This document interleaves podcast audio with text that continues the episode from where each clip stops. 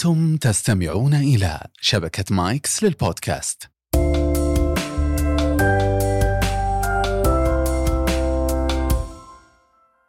حياكم الله في هذه الحلقة من على بياض لتأتيكم برعاية بندر العقارية القاعدة الأشهر في عالم كرة القدم هي أن الكورة للجماهير ولو أن متعة الكورة نشوفها بين أرجل اللعيبة في الملعب بس. ففي متعة أخرى ينتظرها الناس في المدرجات بينها زيج حماس طرب تيفو إلى آخره. جو يعطي كرة القدم قوتها الجماهيرية ويخلي تجربة مشاهدة المباراة في الملعب مختلفة. ضيفنا اليوم مهندس مدرجات نادي جماهيري عريق له طريقة وأسلوب مميز انفعاله مبهر. صوته سوى نقلة للتشجيع لمنطقة أخرى زادت روح التنافس بين الأندية في المدرجات. ندردش اليوم عن كواليس هذه الصناعة بمختلف أدواتها المبهرة سواء كانت هزوجة أو تيفو أو غيره. نسأل عن صناعة الكلمة مكبرات الصوت والدفوف. رحبوا معي مهندس رابطة مشجعي الأهلي السعودي بدر تركستاني. على بياض.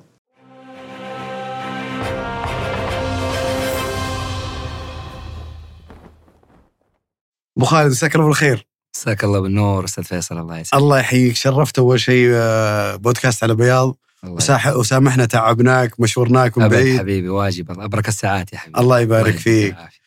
أبو خالد الكثير مو بكي الكل يعرف آه، بدر اللي هو آه، من المدرج. كل الناس تعرف بدر من المدرج. بس ما يعرفون الجانب الثاني من بدر. ممكن تحكي لنا الجانب الثاني من حياة بدر؟ والله طبعا آه، بدر طبعا تخصصه مختلف تماما عن عن المدرج وشيء طبعا أنا electrical engineer مهندس كهرباء. ما شاء الله. يعني تخصص مختلف تماما عن ال- اللي أنا فيه.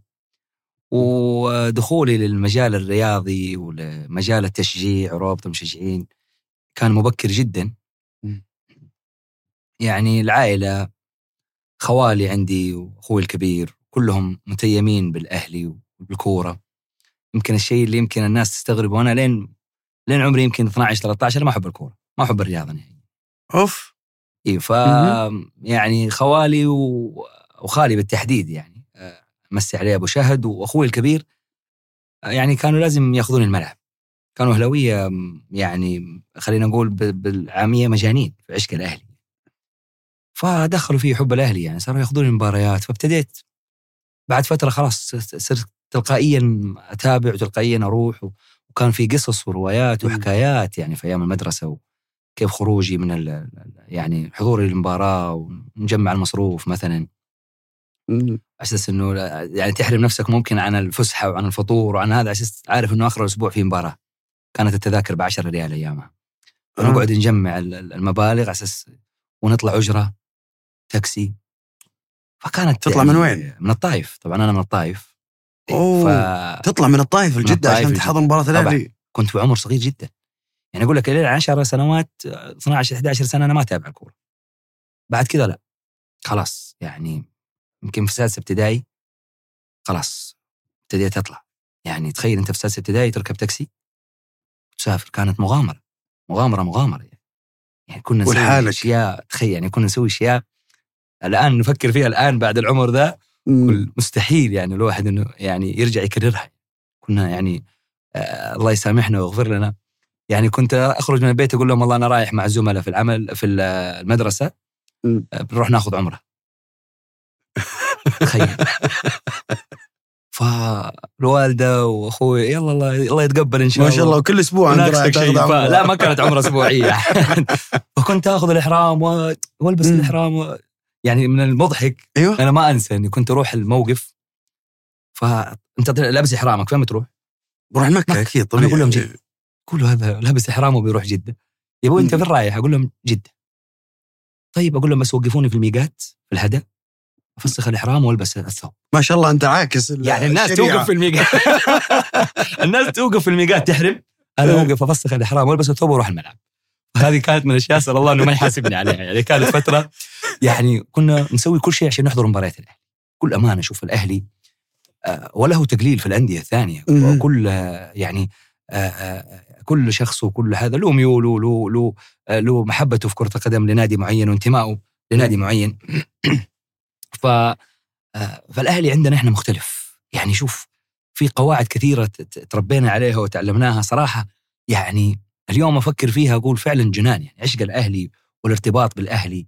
يعني تخيل أنت تنش يعني على يعني تنشأ في البيت على إن لم تكن أهلي فلست من أهلي. أوف. هذه قاعدة في البيت. إن لم تكن أهلي فلست من أهلي. تخيل. فارتباطنا بالأهلي ارتباط يعني يفوق التشجيع والكورة والعشق والانتماء والهذا. فدخلت وقتها طبعا مجال التشجيع. من سن مبكرة جدا. كنت في المدرسة آه، أشارك في ال في ال في المسرح. في الأناشيد في الإلقاء والتعبير.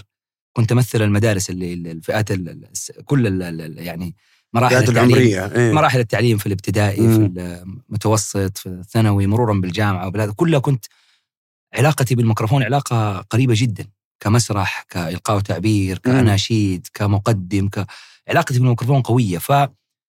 فهذا الشيء اللي اللي اللي ساعدني إني أنا أبدأ المجال. يمكن أكبر حاجة يواجهها اللي بيواجه جمهور هي الجرأة. صح.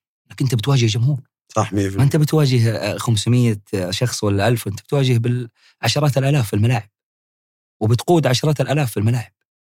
فبالتالي مهمة صعبة جدا. يعني الحمد لله إنه يعني بدايتي في ال في ال في, ال في الابتدائي يعني كان في مدرسين للغة العربية. آه، شافوا في ال- ال- الموهبة هذه فقالوا أنت لازم تكون منشد وتمثلنا في الإلقاء والتعبير والإنشاد. فكنت أطلع أمثل المدرسة في, في وزارة التربية والتعليم وحققنا جوائز كبيرة حققنا المركز الأول في سنوات عديدة لمدارس آه، في الطائف آه، آه، يعني حققنا فيها شهادات و و وبعد كذا وجدت نفسي في الأهلي.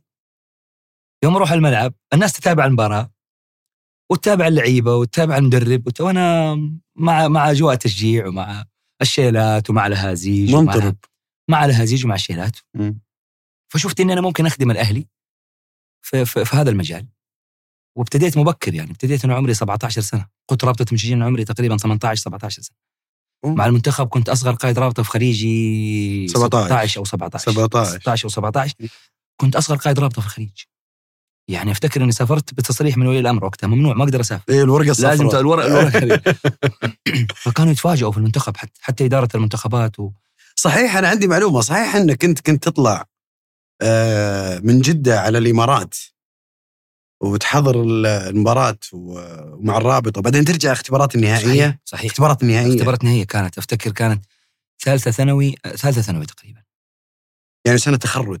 تقريبا آه، ثالثة ثانوي أو اختبارات كذلك تصفيات أخرى لأنه ما شاء الله الحمد لله يعني. في المنتخب آه، وش تذاكر في الطيارة وأنت رايح أنت تخيل صحيح والله إي والله فعلا كانوا يضحكوا والله في في أفتكر في معسكر الإمارات كان معسكر روابط المشجعين آه، يعني أمسي عليه العم عاطي الموركي وأخوي الغالي صالح. القرني والاخوان مم. يعني كانوا يضحكوا علي فعلا يا أبوي هذا تارك الدراسة وجاي كنت يعني أقول لهم أنا أهم شيء رحلتي تكون أحضر المباراة وأرجع ثاني عشان اختبار.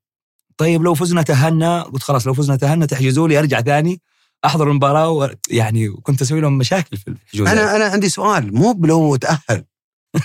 لو راحت الرحلة عليك ولا تأخرت شو تحضر اختبار؟ لا. وكنت حريص جدا. والى اليوم أنا حريص ودقيق في العمل. يعني أنا لا لا أتكلم على إنه ممكن شركة الطيران تأخر. الرحلة. وش تبي تسوي؟ كنا نقول كانت بالنية. والله مخاطرة. مخاطرة جدا. ما يعني ما في يعني ما في أكثر من إن أقول لك كنا نخاطر بأمور كثيرة. يعني كنت أنا يعني كنت آه، أقول لأهلي أنا بروح مع الشباب في الفصل بناخذ عمرة. فكان أخوي يقول يلا الله يجزاه خير ناقصك شيء؟ أقول له والله ناقصني لأنه تعرف اقعد أجمع أنا حق حق المبلغ حق الفطور عشان التذكرة. وكانت التذكرة رخيصة ب 10 وبعدين صارت ب إيه. 15 اليوم ما شاء الله سقف الأسعار. طيب الحين تذاكر بعشرة وت- وتوصيل و- بكم؟ وش بقول لك؟ التاكسي يعني كان أفتكر موقف مكة 25 إلى 20 ريال. يعني 20 رايح و20 جاي هذا 40 و10 تذكرة هذه 50 ريال فأنا أقعد أجمع. فلما 50 يقول لي. ناقصك. شيء أقول له طبعا ناقصني. عشان تعرف وقتها لازم يعني آه، نأمن وقتنا المواصلات إيه. العشاء الرجعة لازم أرجع بدري. فكنت أرجع إلى ما مرة واحد من المخرجين الله يسامحه جاب علي زوم في في المباراة. فهذه كانت على قولهم الحلقة الأخيرة. فأخواني طبعا كلهم متابعين ومنهم كانوا يحضروا. وكنت أخاف يشوفوني ولا يكونوا في الملعب. وكنت أنا أحضر أحب أروح مع شباب الحارة وشباب المدرسة والفصل. راحتك طبعا إيه. ف... فمرة المخرج ما شاء الله حبني مرة المخرج جابني كذا. وأنا قاعد أشجع ومبسوط وج- ورجعت البيت ومكمل السيناريو زي ما هو. رجعت البيت ولا أخوي يستقبلني. يلا تقبل الله. عمره درجة أولى ولا درجة ثانية؟ ولا تحت الساعة. عمره تحت الساعة. يعني كان وقتها خلاص. قال لي أنت طوال المدة اللي راحت دي كل ما أخذت ولا عمره قلت لا اخذت واحدة بس. فعانينا كثير حتى نوصل. للمكان هذا وللتشجيع والتمثيل النادي في, في أو المنتخب في هذا المجال. الحمد لله بعدها بعدها طبعا خلاص تعمقت في الرياضة. بعدها صاروا صارت المسألة عكسية كانوا أول يحببوني في الكورة خوالي وأهلي. وإخواني بعدها حاولوا يكرهوني في الكورة يعني بعدها حاولوا يبعدوني شافوا إني أنا. خلاص إيه. يعني حتى في مراحل الجامعية وقفت فترات مم. وقفت بحكم إنه خلاص قلت الحين عندي المنتخب عندي كأس العالم عندي مدري إيه عندي فقعدت فترة يعني أفتكر كأس العالم في آه، إذا ما خانتني الذاكرة 2006 آه، كان في آه، ألمانيا مم. أو كوريا واليابان ناسي كوريا واليابان 2002 و2006 فكنت وقتها تركت أساس إني أبغى أسافر ألمانيا أحضر كأس العالم واسحبت ترم فيعني وقتها أهلي كانوا يشوفوا إنه الوضع انت ابتديت تخش في دراستك. بحاولوا يكرهوني في المجال. قلت لهم خلاص أنتوا اللي خاصة خالي الكبير يعني. كنت أقول له. أنت ترى المتهم الأول أنت عندي. فكانت الوالدة تجيني تقول لي يا وليدي. قلت اسالي أخوك هو. أخوك أخوك ترى هو فالحمد لله. وبعد كذا لا يعني ما سوينا يعني آه، على قولهم فصلنا بين موضوع الدراسة الحمد لله. وكملنا. آه، قلت لك مجالي بهندسه كهربائية مختلف تماما. مجال عملي مختلف تماما عن عن عن هوايتي خلينا نقول هي هواية مم. إنه في الأخير فعلا هي يعني لا هذا مو هواية اللي أنا قاعد أسمع هذا مو هذا شغف هذا هذا هو الشغف هو الشغف يوصلك لأمور بعيدة عشان كذا فضل من الله إنه يعني آه، في السنوات الأخيرة آه، يعني يعني الناس اللي بتقولوا عن جمهور الأهلي. أو شهادة الناس في في اللي بيتقدموا جماهير الأهلي في التجديد المستمر عند جماهير الأهلي. هذا وراه شغف كبير ومش بدر تركستاني لحاله ولا شيء. لا في منظومة عمل كبيرة. في منظومة عمل آه يعني آه ما أخفيك. يعني أنا عندي في الرابطة دكتور وعندي في الرابطة آه مهندسين عندي في الرابطة كباتنه طيارين عندي في الرابطة أعضاء الرابطة. كان كان بالنسبة لي يعني في تارجت معين. التشجيع عموما عشان أكون معك صريح. التشجيع كنا ناخذه زمان إنه المجال هذا مجال صعب وفئة معينة هي اللي تحضر في المجال أنا كنت أعاني فيها يوم كنت أروح مع. خالي وأروح مع أخوي اذا كانوا يقولوا لا لا ما تروح عند رابطة المشجعين مم. تعال معنا نروح الجهة الثانية نروح المنصة الرئيسية نروح كنت أنا لا شغوف أبغى أحضر. الطرب وأبغى أحضر هذا فكانت ال... يعني فكرة الناس غلط عن روابط المشجعين مم. عن عن هذا هذا هذا المكان إنه هذا المكان لا اللي يجلسوا فيه فقط يكونوا ناس آه، ما هم متعلمين أو يكونوا ناس لا لا لا غير صحيح مم. فكان عندي هدف أساسي بمجرد ما دخلت المجال هذا إني أنا أغير تفكير الناس الصورة الذهنية عند الصورة. الذهنية عند الناس أبغى مم. أبغى المشجع يجي يجيب أبنائه يجيب مم. أخوانه يحضروا في الملعب يخلي أبنائه يحضروا في الرابطة يشاركوا التشجيع يشاركوا ومع مرور الوقت والتط- التطور اللي حصل في المنشآت الرياضية وفي التشجيع الرياضي أدخلنا التيفو دخلنا الأناشيد دخلنا ال ال ال ال ال يعني صار ال صار المشجع يجي يحضر كرنفال مش إنه يحضر بس يتفرج مباراة كرة قدم لا يحضر قبل المباراة في فعالية. مم. بعد المباراة في فعالية أثناء المباراة بين الشوطين في فعالية. ف فحاولنا إنه إحنا نغير وجهة النظر عند الناس. إنه لا. رابطة المشجعين فيها جميع الفئات. خلينا نقول يعني طبقات المشجعين. فيها جميع الفئات. طيب هذا ال- هذا ال- ال- التجمع ال- بينها بين اطياف المجتمع المختلفة والمتفاوته صحيح. ها وين الخلطة السرية في إنك تقدر تضبط إيقاع هذول الناس كلهم شوف الخلطة السرية تكمن فين مم. في الدعم الدعم اللي بتلاقيه من إدارات الأندية مم. ومن رجالات النادي إنه ال- ال- ال- ال- الفكرة اللي عندك كيف تطبقها وكيف تحققها حقيقة أنا أول ما ابتديت سبقوني ناس في المجال كانوا مم. رؤساء رابطة قبلي عملت معاهم مم. آه، أفتخر وأعتز إن أنا عملت معاهم استفدت منهم كلهم فبالتالي كان عندي مبدأ إنه أنا جاي أبغى أساعدكم وابغى وجاي أبغى أكون جزء من هذه المنظومة. وقدرنا إنه إحنا نعمل ورك شوب يعني متواصلة ورش عمل متواصلة آه، بإنه كيف إحنا نعمل تجديد. لأنه خلاص زمان التشجيع كان واقف على الميكروفون. والطبول والطيران فقط. طبول وطيران وميكروفون. وأحيانا الناس تقول بعد إزعاج. فالجيل طبعا. مم. هو في الأخير في ناس تشوفها طرب. مم. في ناس تشوفها ازعاج في ناس مم. لا تبغى تتفرج المباراه بهدوء في ناس ف يعني في أندية متميزة في التشجيع. يمكن الكلام هذا يزعل الناس في أندية متميزة يا أخي؟ في أندية يعني الله سبحانه وتعالى آه، ميزها في الت- في التشجيع في, في, في الفلكلور الشعبي في لأنه هذا في الأخير موروث موروث مم. موروث وطني يعني ال ال ال الألوان اللي بتتغنى مم. هي ألوان وطنية وتراث يعني الألوان الشعبية والفلكلور الشعبي اللي بيتغنى. رسمي وفيها كلمات وفيها ألحان.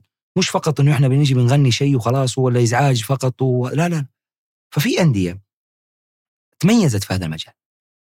فمش معناته إنه هي مميزة إنها تلقى مضايقات أو تلقى آه ناس تحاول إنها هي آه يعني تمنعهم من تأدية رسالتهم أو واجبهم. أنا ما بخرج عن سؤالك عشان لا لا خذ راحتك لا خذ عشان آه راحتك. لا أروح موضوع ثاني. لا لا خذ راحتك. سؤالك إنه تجميع الناس والفئات هذه كلها فعلا. شيء متعب وأنا أقول. لك عانيت فيه كثير إنه أنت بتتقابل مع جميع ال- الفئات المتعلم والغير متعلم وال يعني والدارس والصغير والكبير و. و و والمتعصب والمريض وال ففي تتقابل يعني أطياف كثيرة من المجتمع مم.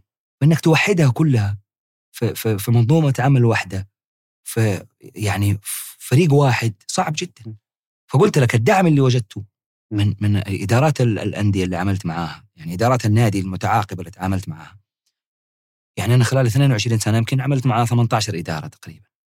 إذا جيت أحصيها ولا شيء 18 إلى 20 إدارة.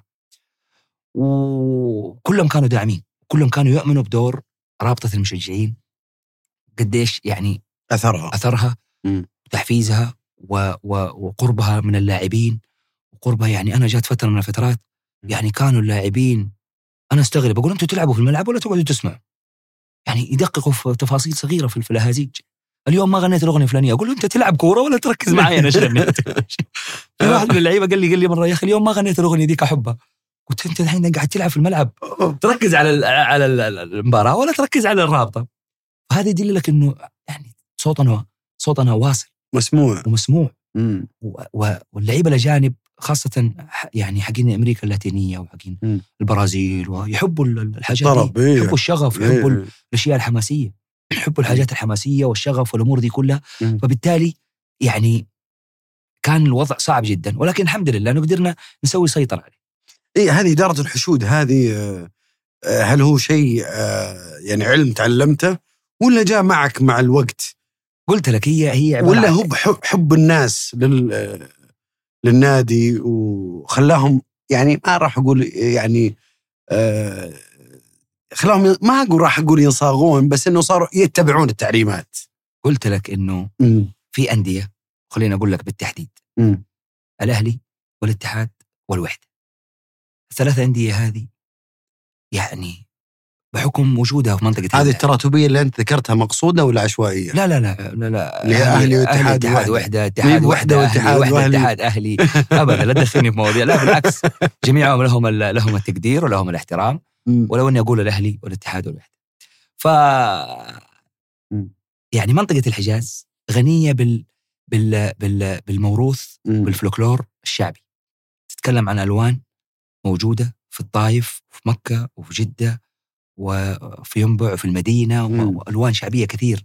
المجرور الخبيتي المزمار البحري كلها آه، موجودة عندنا في الحجاز. فهذا الشيء ساعدنا كثير. وخلينا نقول الأندية هذه اللي ذكرتها الثلاث هي أقدم أندية موجودة في السعودية. مم. فهي اللي أسست التشجيع في الملاعب السعودية. ما بدخل في تفا- في تفاصيل مين أول ومين مم. ثاني ومين هذا لا.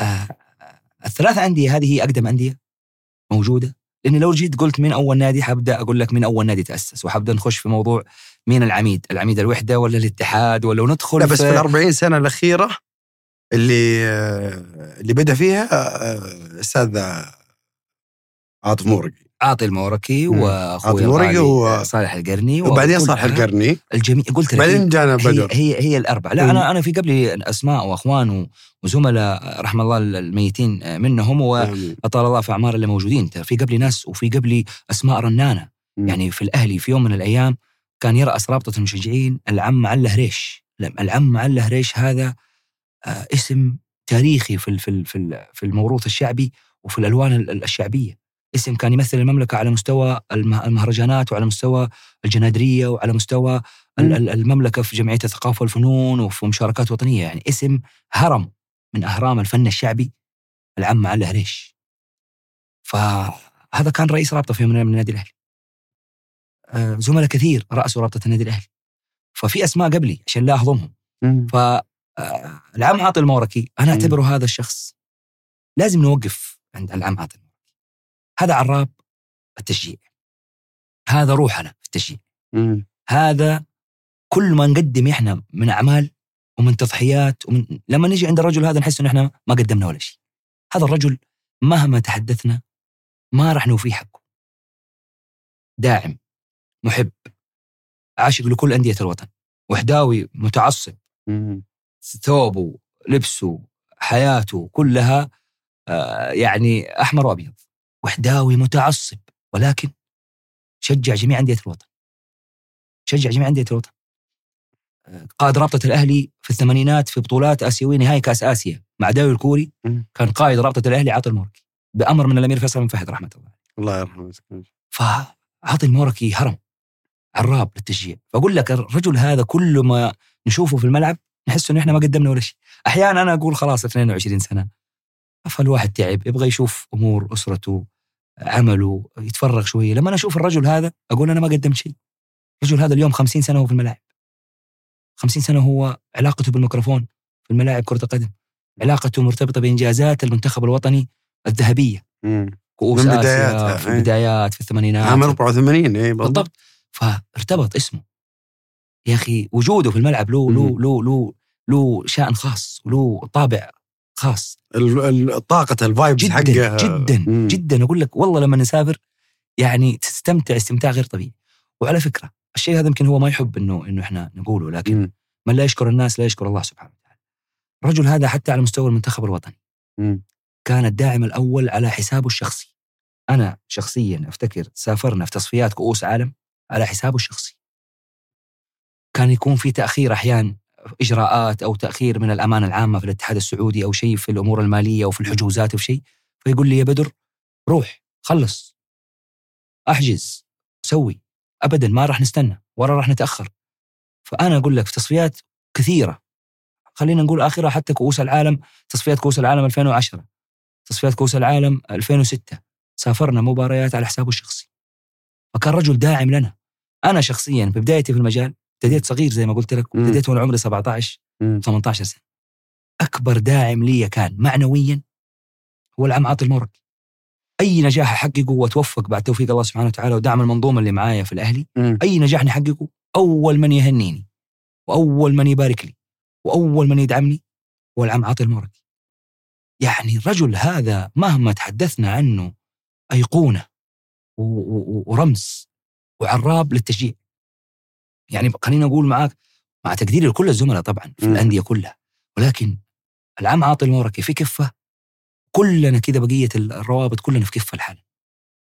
فهو عراب أستاذ مدرسة آه، محب داعم عاشق آه، بالإضافة لبقية الزملاء اللي, اللي تزاملنا على مدى 22 سنة وفي ناس اللي سبقوني زي الأستاذ عاطي الأستاذ صالح القرني آه، في الاتحاد نمسي عليه وكل اللي جو قبل أو بعد. فإحنا علاقتنا في المنتخب ترى يعني كرة القدم تنتهي في الملعب. يعني أنا أنا أواجد يعني أواجه أحيانا مضايقات. في المباريات. تعصب رياضي. في أمور صراحة تجاوزت حدودها. صراحة هي من الأشياء اللي تخلي الواحد يفكر كثير إنه يبتعد. طيب والاتهام اللي يقول انه أنتم آه، أحد أسباب التعصب الرياضي بين الجماهير؟ شوف إحنا إحنا أحد أسباب التعصب المحمود. كيف محمود وفي الروابط في سجاد رؤساء الروابط تعصبهم في سجالات بينكم وبين يكون محمود يكون محمود داخل منظومة ال 90 دقيقة مم. والمباريات والعمل. مم. بعد ما تنتهي المباراة ينتهي كل شيء. لكن يبدأ الموضوع يكون شخصي أو تبدأ الأمور تتشخصن صعبة مم. جدا. لأنه في الأخير إحنا تنافسنا 90 دقيقة. الهلالي يبغى الهلال يفوز والاتحاد يبغى الاتحاد يفوز والنصراوي كذلك والأهلاوي كذلك. فتنافسنا يكون محمود داخل الملعب. وهي الميزة روابط المشجعين واللي واللي واللي اشتهرت فيه أصلا الرياضة السعودية الشغف والتحدي اللي يكون بين الجماهير. في الأهازيج آه، في النقرزة على بعض يعني هذا بيرد على ذا وذا بيعطيه رد على الأغنية. في حدود الأدب وفي حدود ال 90 دقيقة وفي حدود الملعب. ما نحاول انه إحنا نخرج. خلينا نقول في بداياتنا أخطأنا. أنا شخصيا في بدايتي ممكن تسرعت في في في, في أمور كثيرة ممكن. في الميكروفون. وتوجهت لي تهم كثيرة في بدايتي. ممكن ممكن كنت متسرع فيها صحيح. آه، في عندي سؤال آه، اللي هو كيف صناعة الكلمة والهزوجة كيف تجي وكذا؟ بس قبلها ودي آه، يعني ما زال عند الناس علامة استفهام. ليش أندية الغربية هي أكثر آه، صناعة لهذا المنتج اللي هو منتج هازيج وإلى آخره؟ غير أندية الوسطى وش السبب في رأيك؟ ذكرت لك في الكلام إنه مم. الحجاز غنية بال بال بالموضوع. طيب، حتى كذلك حتى إيه. كذلك ال- ال- الشرقية والوسطى و...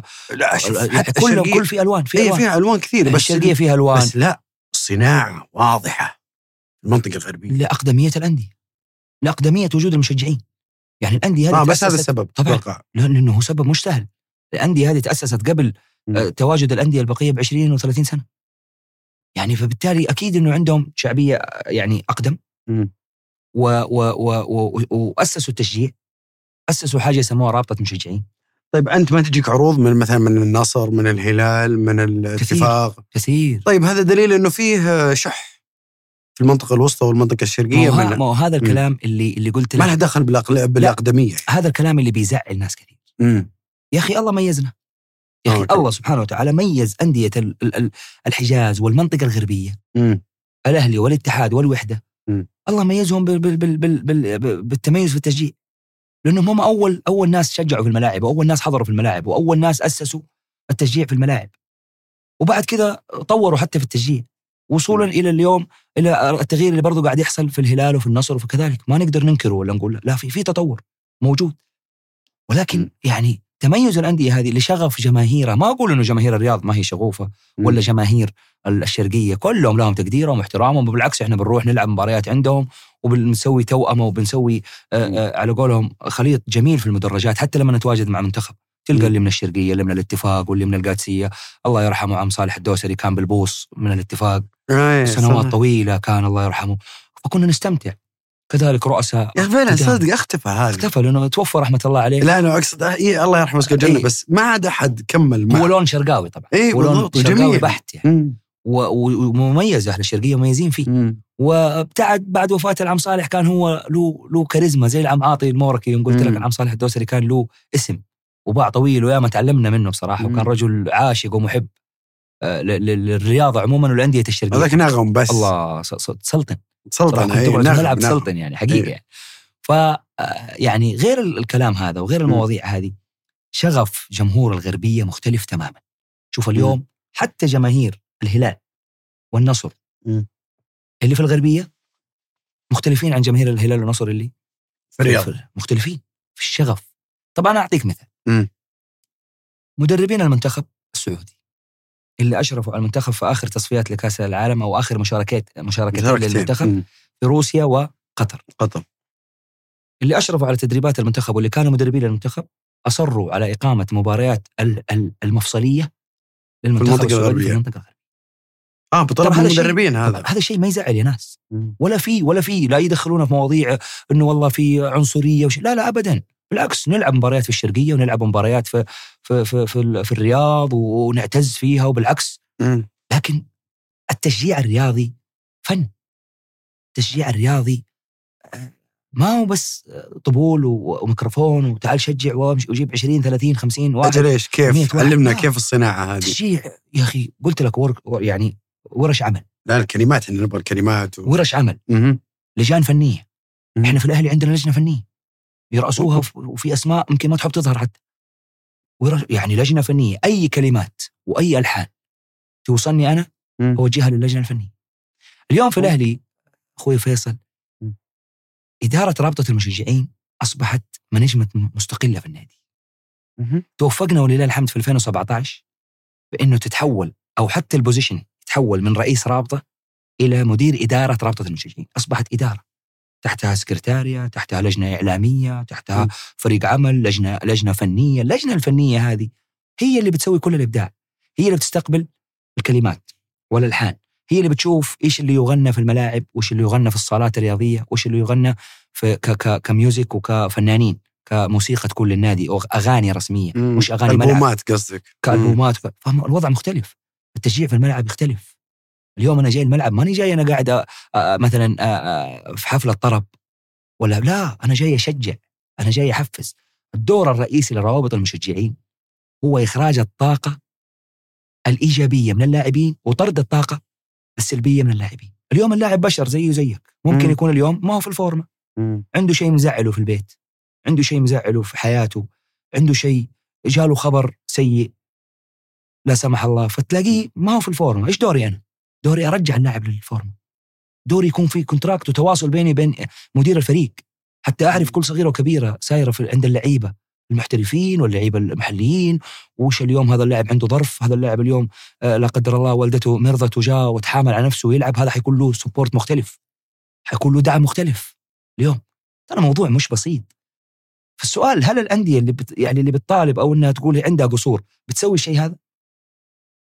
أنا يعني طبعا أنا اليوم قاعد أتكلم يمكن قاعد أكشف أوراق حتى يعني اليوم إيه، أنا قاعد. أكشف أوراق يمكن راحتك. تقول هذه سر يمكن الناس تقول هذه سر مهنة المفروض. الواحد إنه. لكن لا بالعكس. أنا أتمنى إنه المدرجات السعودية كلها تتميز اليوم أنا. لما أشوف مدرج الأهلي مميز وسباق خلفه من مدرجات أخرى. سواء اتحاد سواء هلال سواء يا أخي بالعكس في الأخير المصلحة تعود للرياضه السعودية اليوم أخوي فيصل ال project الرياضي مختلف تماما اليوم لازم نتواكب مع ال project الدعم اللي اليوم تحظى فيه الأندية والرياضة السعودية من مم. القيادة ومن سمو سيدي ولي العهد. موضوع مختلف تماما.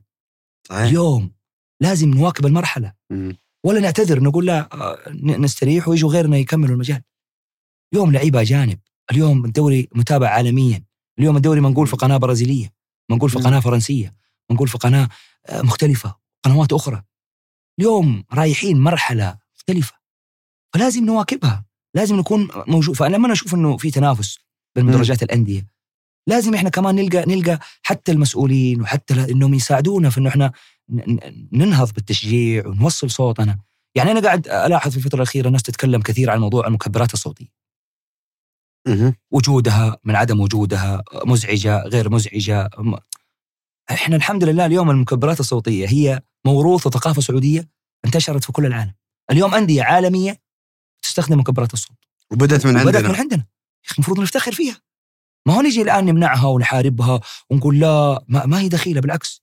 صح إنه في أحيان مم. تكون مزعجة. فين تكون مزعجة؟ تكون مزعجة أخوي فيصل لما تكون تلعب مباراة من ناديين ما يملكوا جماهير مثلا أو ما عندهم قاعدة جماهيرية وتلاقي رابطة المشجعين جايبين أربعة خمسة عشرة مك- مكبرات صوتية وال- والرابطة الثانية جايبين عشرة خمسة مكبرات صوتية وتكون حاضر كأنك في حرج متداخلة متداخلة والملعب نعم. فاضي ففعلا فعلا يكون الوضع وقتها مزعج جدا هنا أنا أقول لك صح طيب الموضوع بسيط جدا تقدر تحط آلية okay تقدر تضع آلية حلو. procedure واضح مم. إنه الملعب اللي سعته كذا يستخدم عدد مكبرات كذا الملعب اللي سعته زي ملاعب درة الملاعب والجوهرة في في جدة وفي الرياض درة الملاعب اللي تشيل ستين ألف مستحيل تقول ميكروفون واحد ستين ألف مشجع بميكروفون واحد صح 30 نوري. واط. مم. مستحيل لكن بينما مدرجات فاضية فيها 50 مشجع هنا و50 مشجع هنا وهذا يدخل خمسة وذا يدخل خمسة أكيد إنها حتكون فوضى يا رجل. الحكم أنا كمان أستغرب أحيانا كيف يحكموا الحكام أنا لو إيه. حكم بعطيهم كرت احمر للمدرجات بكل امانه هذه أنا معاهم حق لكن. هذه أنت تقدر تسوي لها كنترول. تقدر تسوي لها procedure واضح صح. الأندية الجماهيرية اليوم لا يمكن إحنا نساوي الأندية الجماهيرية بالأندية اللي ما عندها جمهور. من ناحية الحضور الجماهيري لا يمكن نساويها يا أخي يا أخي اليوم حتى الدعم لا يمكن نساوي الدعم بالأندية كلها يا أخي أنا دع... أنا عندي أنا نادي جماهيري. عندي تاريخ عندي إنجازات عندي بطولات ممول رئيسي الأندية ال- ال- المنتخبات الوطنية. جمهوري بيعبي الملعب 50 و60 ألف مستحيل أتقارن بنادي مثلا آه، بيحضروا في الملعب كل مباراة 200 300 واحد مستحيل يكون في مقارنة يعني حتى أنت قصدك إنه ما تتعمم ال ال بالضبط. إيه. بالضبط يعني وبعدين الموضوع مش اختراع ذرة. لوائح مم. لوائح وبروسيجر واضح ويطبق على الجميع. حط اللي تحت يطبق على الجميع. 500 سطر. بس هذا اللي نبغاه إحنا. ليه أحيانا يطبق على أحد وأحد لا؟ ما أبغى أدخل واجهت في يعني أنت ما أبغى المشكلة؟ أدخل في الأمور هذه لكن الوسط الرياضي اليوم. مم. أخوي فيصل اليوم إحنا في 2023 مم. أتوقع ما في شيء يعني يخبى اي بالضبط ما في شيء يتخبى ما في شيء يخبى. السوشيال ميديا اليوم ما يترك شيء. كل يوم قاعدين نسمع برنامج جديد وكل يوم قاعدين نحمل في جوالاتنا برامج جديدة. وكل يوم قاعدين نشوف آه، تقنية وتكنولوجيا جديدة وحديثة فترى الناس والشارع الرياضي كله عارف كل صغيره وكبيره. وشايف كل شيء قاعد يصير منقول تلفزيونيا. منقول بالفيديو منقول بوسائل السناب شات وغيره وغيره وغيره وغيره فالناس شايفة إنه في ملاعب بيسمح لها بحاجات وملاعب أخرى تتمنع بحاجات وملاعب مسموح فيها حاجات وملاعب فهذه ال ال ال ال ال ال ال ما بقول ال- الفوضى ولا هذه يعني هذا التباين بين. ملعب وملعب يجب انه يجب انه يكون في procedure واضح فقط يعني الموضوع مش صعب. workshop ورش عمل بروابط المشجعين بالناس المسؤولة بالناس اللي هي في الميدان لا تيجي تسوي لي اجتماع وتسوي لي آه، قرارات وأنت ما سمعت من الناس هذه مم. اللي تعاني من المشكلة نفسها اللي هم في الميدان مم. اليوم اليوم لما تت... لما الحكم عنده مشكلة يروح يسألوا المشجع ولا يسألوا الحكام؟ حكام يسألوا. الحكام إذا عندهم مشكلة في تقنية ولا شيء. اليوم لما اللاعب عنده مشكلة يروح يسألوا المدرب ولا يسألوا ال- فكل مم. واحد يعني أنت لما عندك مشكلة في الجمهور لازم. تسأل الجمهور نفسه بالضبط تسأل الناس اللي هم محتكين الناس اللي في أرض الميدان الناس اللي من الساعة 12 الظهر هم في الملعب عكس لما يجيني واحد الساعة 6 المغرب ولا الساعة 7 يدخل الملعب قبل المباراة بساعة أنا موجود في الملعب من الساعة 12 الظهر يعني كثير والله يجب انه الناس هذه تعرف أنه إحنا بنعاني في أمور بنواجه جمهور بنواجه ضغوطات ترى لما أجي أنا مثلا أطالب بحقوق للأهلي مم. أو أطالب بحقوق الجمهور الأهلي للجمهور الأهلي أو أطالب. بحقوق لأني أنا قاعد أواجه ضغط مم. أنا بروح الملعب بيجوني جمهور تعال شفت المباراة حقت آه، النادي سين سمحوا لهم بكذا وأنتم ليه منعوكم؟ فأنا قاعد أواجه ضغوطات فكذلك لازم لازم ال- المسؤولين. مدراء الملاعب بيقوموا بجهود كبيرة الله يحفظهم وبالعكس وبيتعبوا وبيعانوا وبيصير في بيننا اجتماعات مم. أخوي فيصل يمكن الشيء اللي ما يعرفوا فيه الناس ترى كل م. مباراة تقام في الدوري م. قبلها في اجتماع يسموه الاجتماع التنسيقي الأمني قبل كل مباراة تقام تخيل حلو كل مباراة تقام في اجتماع م. هذا هذا هذا هذه لائحة م. رسميه في اجتماع تنسيقي يقام قبل المباراة ب 24 ساعة بين كل الجهات المشاركة في تنظيم المباراة جهات أمنية جهات جماهيرية جهات الناديين م. ال- فيعني المفروض أن الأمور دي تنتهي بسيطة أنت يعني. تشارك في هذا الاجتماع؟ طبعاً. طيب ليش ما تبادر بهالمعلومات؟ تكلمنا م. وبنقول في الاجتماعات وبالعكس إحنا واجب انه إحنا نكون موجودين لأنه هو اجتماع م. تنظيمي وتنسيقي للمباراة المباراة مين ينجحها الجمهور وإحنا. وهم جايين ينظموا لمين الجمهور ينظموا للجمهور ما في كلام يا أخوي رقم فيصل واحد المكسب وراس. المال وكل شيء هو الجمهور بالضبط يا أخي اليوم اللي اللي ميزنا في الرياضة السعودية واللي م. بيحسدونا فيه الكثير. هو الجمهور بيحسدونا فيه أنا أقول لك إحنا م. محسودين. من من, من كثير من الدول م. المجاورة. تقول م. عندكم جمهور مجنون وعاشق لكرة القدم. صحيح صحيح. يعني آه. أنا من الناس اللي أتكلم أنت بتتكلم قبل شوي تقول عروض من انديه ومنها يا رجل آه، أنت بتقول من هلال ولا من نصر من شيء. غير هنا. مم. إحنا بتجينا عروض حتى من الدول المجاورة. إنه تعالوا يا أخي إحنا نبغى نستفيد من الشيء اللي أنتم قاعدين تقدموه. لا كلامك كيف الجمهور بيحضر؟ مم. كيف ال... كيف الشغف ذا عندكم؟ مم. إحنا نبغى نعبي الملاعب عندنا.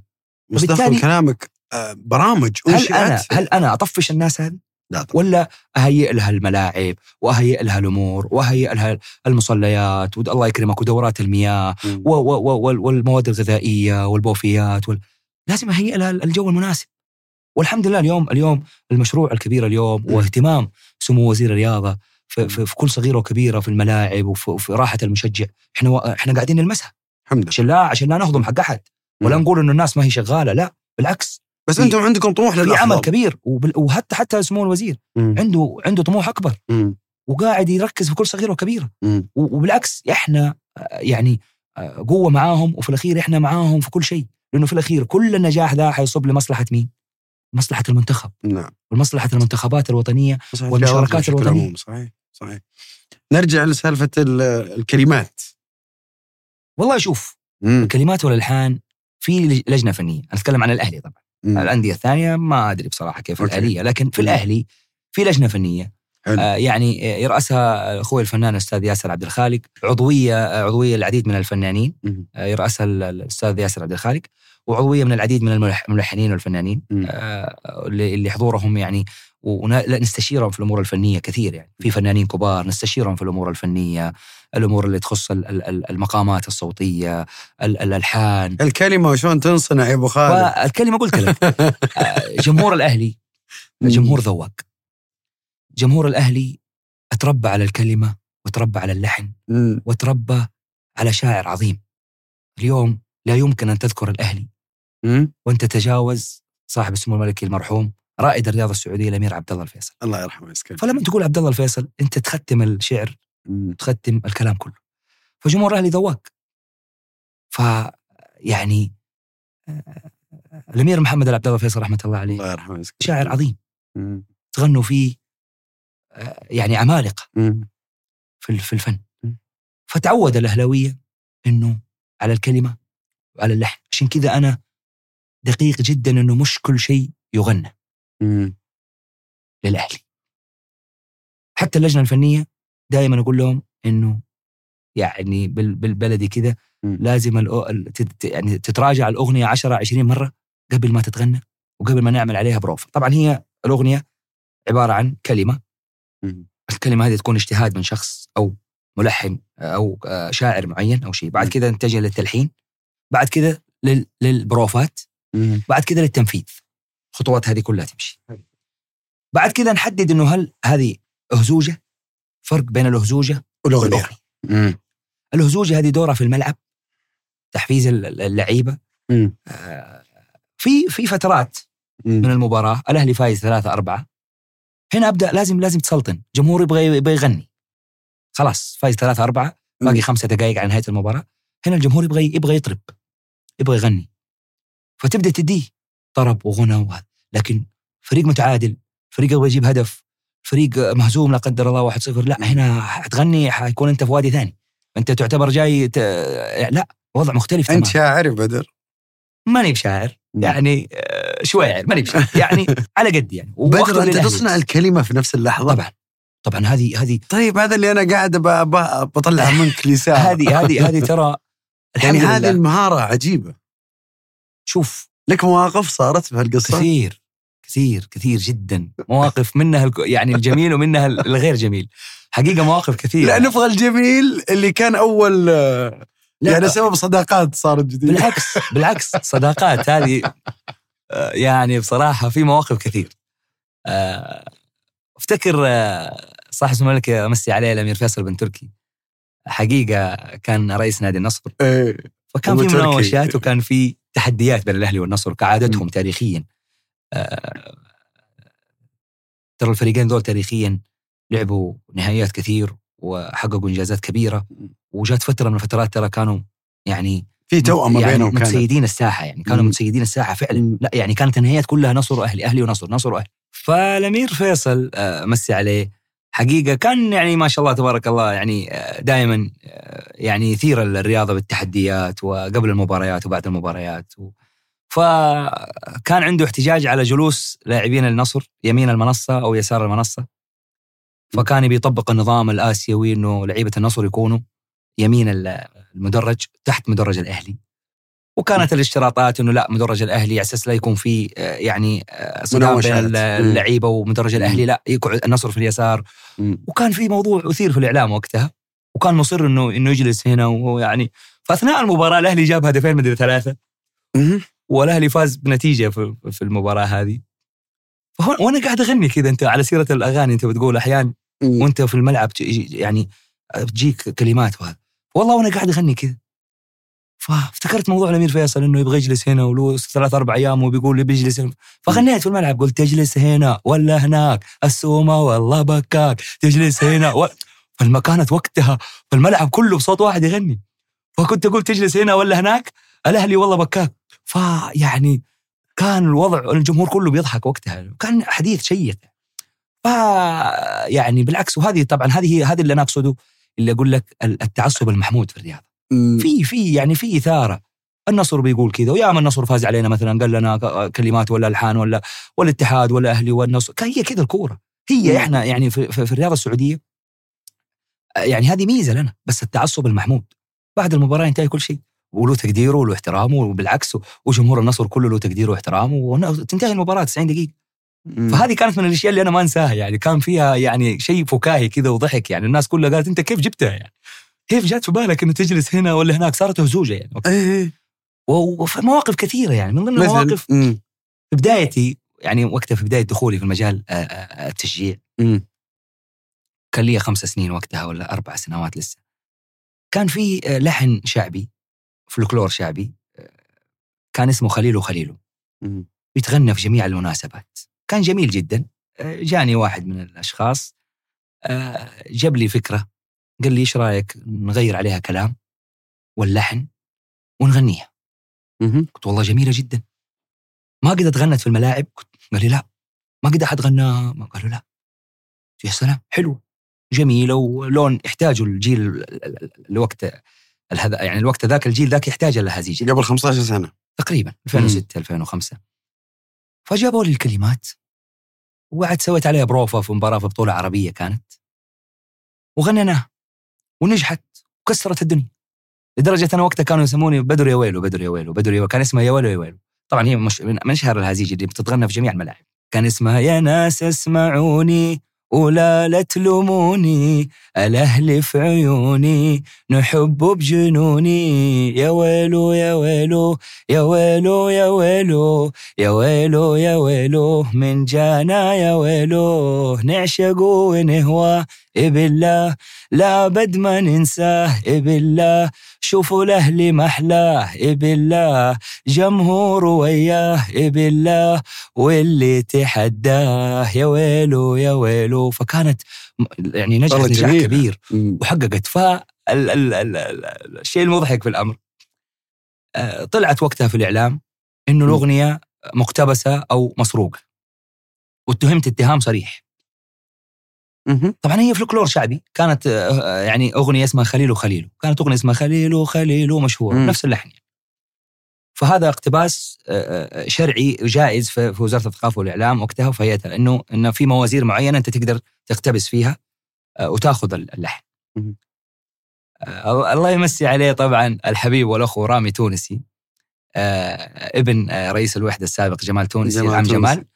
آه، وقتها قال إنه الهزوجه تبعه وهو اللي جاب الكلام وإنه الشخص اللي جاب لي الكلمات آه، آه، آه، يعني راح لهم وغنوها مع بعض في جلسة أو شيء زي كذا وبعد كذا آه، إحنا غنيناها فقال أنتوا أخذتوها وما أخذتوها وطلعت في الإعلام وقتها وعاطي الموركي اتصل بي على العم عاطي الموركي. قال لي إيش الموضوع؟ قلت والله أنا اللي بسألك إيش الموضوع؟ قال لا والله ما أدري إحنا ما ما ندري والله عن الموضوع وابد يا حبيبي واصل نجاحك قلت له كان هو الداعم الأول لي شخصيا على المستوى الشخصي يعني قال لي ابدا واصل نجاحك والأغنية حلوة وجميلة وكلنا حنغنيها والمنتخب حيغنيها. وابدا.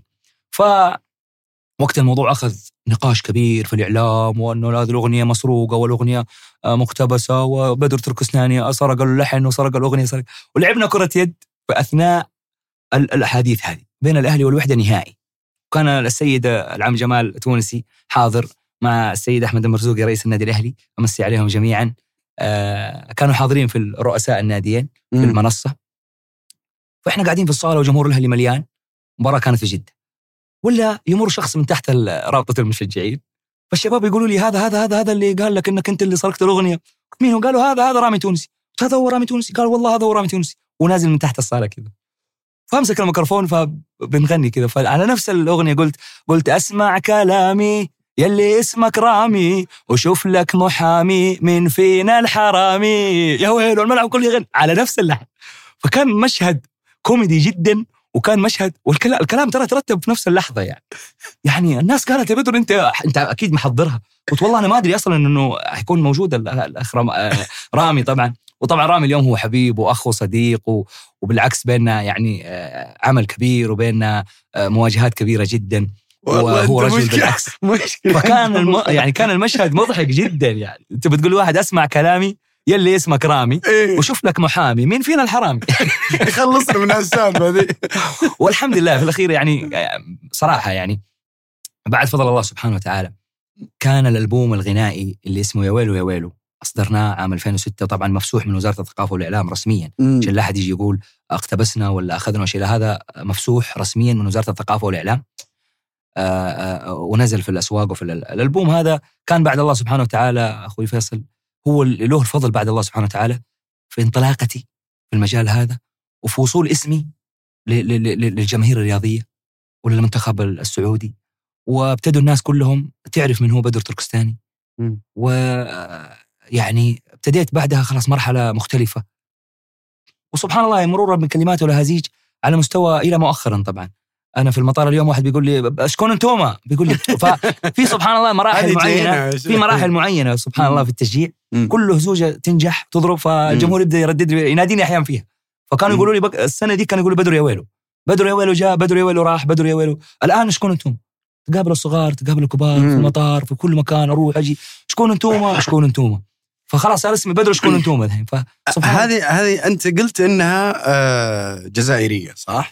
إيش جزائري آه، بس يعني في هي هي مم. هي آه، بحكم إنه إحنا عندنا لع- لعيبة جزائريين كانوا مم. فكرت إني قلت نس- نسوي شيء جديد طبعا الأهلي أول نادي غنى لل- اللي هي باللهجات المختلفة مم. آه، غنينا بالمغربي غنينا بالتونسي آه، غنينا مؤخرا بالجزائري آه، فبالتالي قلت اليوم دام ال- ال- ال- ال- الكابتن الكبير رياض محرز موجود وخلينا نطلع بشيء جزائري كذا فكلمة شكون عندهم في الجزائر آه، يعني دارجة يعني زي عندنا كذا يعني من الكلمات الدارجة عندنا. هي خلاص يعني زي لما تقول أنت مين؟ تقول أنت مين؟ ولا أنت خلاص هذه دارجة إحنا شكون يعني أنا أنت شكون؟ يعني أنت يعني أنت إيه. شكون أنتم يعني أنت مين؟ فكرت كذا وقلت خلينا نسوي حاجة أيوه يعني آه، قلت خلينا نسوي شيء كذا جديد الأهلي بيلعب فخصم الأهلي بنقول لخصم الأهلي أنت مين؟ فبنقول لخصم الأهلي شكون أنتوما؟ طبعا هي جميلة جدا لا لحنها حلو وبتقول شكون انتوما وجايين تلعبوا؟ اهلنا قوة ما راح تغلبوا. أوه أوه جينا وحضرنا ما نسمع أي صوت. ندعم أخضرنا ونحبه للموت. أوه أوه. ما سمعوهاش هذه ما سمعوهاش. عبر الزمان نمضي ما جات ببلاش ما سمعوهاش هذه ما سمعوهاش عبر الزمان نمضي ما جات ببلاش اوه اوه يعني آه، مختلفة والله حمستني أحضر مختلف. معكم مباراة ابدا شرفنا وتنورنا مع كل فريق العمل تنورونا ابدا والله يا أخي بس ما ينلمون يا أخي الحمد. لله يعني هذه هذه يعني آه، لقت يعني ما شاء الله الله. وواسع هذه كلمات مين؟ شفته في عيون الناس آه، والله يعني اجتهاد مني ما شاء الله ومن أخوي كلماتك أنت. إي كلماتي. وبمشاركة من عضو رابطة المشجعين حبيبي الأخ عبد الله الزهراني زهري هذا إن شاء الله الاسم القادم لرابطه المشجعين اللي حيكون يعني له إن شاء الله شأن كبير في, في المجال هذا. فساعدني في كتابة آه، كلماتها والحاني برضو. اجتهدنا. مع اللجنة الفنية الاستاذ ياسر عبد الخالق والأخوان وأخوي الغالي عادل الحازمي آه، رئيس سابق لرابطة المشجعين وداعم كبير وصاحب يعني آه، استشارات كبيرة في رابطة المشجعين بحكم خبرته الكبيرة 35 سنة فهو شخص قريب جدا من بدر تركستاني بالإضافة لبقية آه، رؤساء الرابطة في الأهلي السابقين مم. أنا جميع اللي بيحضروا معايا في يميني وفي يساري كلهم كانوا رؤساء رابطة قبل ما أنا انضم فالحمد لله يعني التوليفة هذه اللي موجودة أنا أحسد عليها بكل أمانة وأبوابنا مفتوحة للجميع وإحنا قلت لك جينا نكمل ما ما بنوه وجينا نكمل الشيء اللي هم أسسوه آه، فهازيج اللجنه الفنية هذه تتعب تعب كبير. ما أخفى إنه أحيانا أحيانا نسوي بروفات كثيرة. لهزيج وما ترى النور. ممكن إن أشوف انها هي ما هي ما تليق باسم الأهلي وما تليق ب ب ب بجمهور الأهلي. يجب جمهور الأهلي صعب جدا. الأهلي صعب تخضع. لأي معايير؟ وش المعايير اللي تخضع لها الهزوجه؟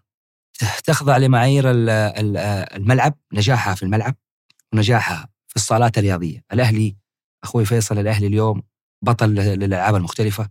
وأكثر فريق بيحقق بطولات في الألعاب المختلفة وبطل ثابت في جميع الألعاب المختلفة. والممول الرئيسي للرياضة السعودية في جميع الألعاب. الأهلي بطل في اليد في السلة في الطائرة في التنس في كرة الماء. الأهلي نادي. زمان كانت مقولة مخلدة إنه الأهلي نادي والبقية فرق. الأهلي نادي. انطاح يعني كرة القدم انطاحت الطائرة تشيلها. طاحت الطائرة اليد تشيلها. طاحت اليد السلة تشيلها. العام الماضي الأهلي حقق جميع بطولات كرة الطائره وجميع بطولات كرة السلة بجميع مسمياتها. دوري وكاس وسوبر و فالأهلي نادي يعني حضوره الجماهيري وشغف الجمهور في الصالات الرياضية جميل. والصالات الرياضية تحتاج هزيج معين. والملاعب تحتاج هزيج معين. وأنت في السيارة وأنت رايح للملعب عشان تشغل سي دي تضرب وأنت رايح للملعب تحتاج أغاني وهزيج معين. فهي هذه التوزيع وهذه التوليفة اللي اللي إحنا المعايير اللي نحطها. هذه تنفع تكون هزوجه في ملعب؟ لا هذه تنفع تتغنى من فنانين. الدكتور عبادي الجوهر امسي عليه الفنان الكبير طلال سلامة وغيره وغيره من اللي غنوا وتغنوا بالنادي الأهلي آه، فنان عرب أبو نورة آه، الأستاذ محمد عبده وغيره وغيره وغيره من اللي تغنوا بالنادي الأهلي. فبالعكس في أغاني نوجهها مثلا إنه آه، للفنانين دول إنه يغنوها للجمهور. قدمنا مع الدكتور عبادي جدة كذا أهلي وبحر. لقت انتشار كبير وكانت يعني مكسرة الدنيا كلها في الموسم الذهبي للنادي الأهلي اللي حقق فيه الأهلي الدوري والكاس والسوبر جميع البطولات. فسوينا كذا يعني شاركنا مشاركة مع الدكتور آه، عبادي جوهر في يعني في أغنية اسمها جدة كذا أهلي وبحر. شاركت رابطة المشجعين ب, ب, ب, ب جدة كذا أهلي وبحر آه هذه كلمات هذه طبعا آه كلمات آه من ضمن المقولات للرمز الأهلاوي ورائد الرياضة السعودية الأمير عبد الله الفيصل. م. اللي هو كان يعني سئل إيش تعني لك جدة؟ فقال م. جدة كذا آه، قال جدة أهلي وبحر. آه. فهذه من الأشياء اللي يعني تاريخية هذه محمد عبد الله الفيصل. الأمير عبد الله الفيصل الأمير عبد الله الفيصل. آه الأمير عبد الله الفيصل رائد الرياضة طبعا. فإحنا بعدين جاء بعده آه، بدر آه، في لندن عام 2016 إيه. وقال لندن كذا أهلي ونهر. الله لندن كذا أهلي ونهر. حقت لندن هذه كانت ذكريات جميلة جدا. لندن هذه كانت حكاية فعلا يعني. تغنينا فيها. قلت لك هو كان موسم ذهبي كان موسم تاريخي جدا. آه، حقق فيه الاهلي جميع البطولات في ذيك السنة. وكانت آه، يعني السوبر أقيم أقيمت مباراة السوبر في, في لندن. لندن إيه. فحضر جمهور الأهلي وجمهور الهلال وكانت مباراة ممتعة ووصلت لركلات الترجيح. الترجيح إيه جميل المباراة وفاز فيها الأهلي. فبالتالي تغنينا في شوارع لندن بجميع ما ما ما ما, ما يخطر في بالك. قعدنا يومين ندور في الشوارع حقت لندن نغني. وكنا بنقول حتى قلت افتكر الأهلي لا دندن. آه يعني بس زعلوا منك جمهور الهلال هذيك الفترة. والله شوف جمهور الهلال دائما يزعل مني. اي ليش؟ وأنا ما أدري والله. والله أنت سبقتني بهذا السؤال ليش؟ والله أنا يعني يمكن في بعض المفردات اللي بنغنيها في الملعب. قد تفسر أو تفهم ب ب انها اسقاطات عليهم اسقاطات يعني؟ أو شيء. لا هي قلت لك هي كرة قدم وتنافس وتعصب محمود داخل المستطيل الأخضر. هم زعلوا مني على عبارات كثيرة وعلى كلمات كثيرة قلناها في بعض الأهازيج وهم قالوا أكثر منها. يعني هم قالوا أكبر منها ترى وقالوا أكثر منها فما زعلنا إحنا في الأخير تنافس. وبالعكس هم يعني قالوا أشياء أكبر وأكبر. ولكن في الأخير أنا أدخلها من مبدأ التنافس خلال 90 دقيقة وخلينا نقول آه، نقرزة بين الجماهير قاعد يوم قاعد يومين في لندن تغني. نغني للأهلي. 90 دقيقة. اي نغني للأهلي. نغني للأهلي الأهلي فاز. لا لا كان من ضمنها. لا لا كنا نغني للأهلي كنا نغني إنه الاهلي إيش قلت طقطقة. الأهلي لا دندن. إيه؟ آه حتبكي في لندن قلت آه إيه طيب مين اللي بيبكي في لندن؟ الأهلي ولا؟ مين اللي بيبكي في لندن؟ أنا هذا اللي أسألك أنا اللي الحين اسال الأهلي فاز. اي وأنت شلون؟ تقول أنت ما حارسهم ولا أقول شيء إلا بال 90 دقيقة 90 دقيقة. هو راح لندن عشان إيش؟ صيف يصيف.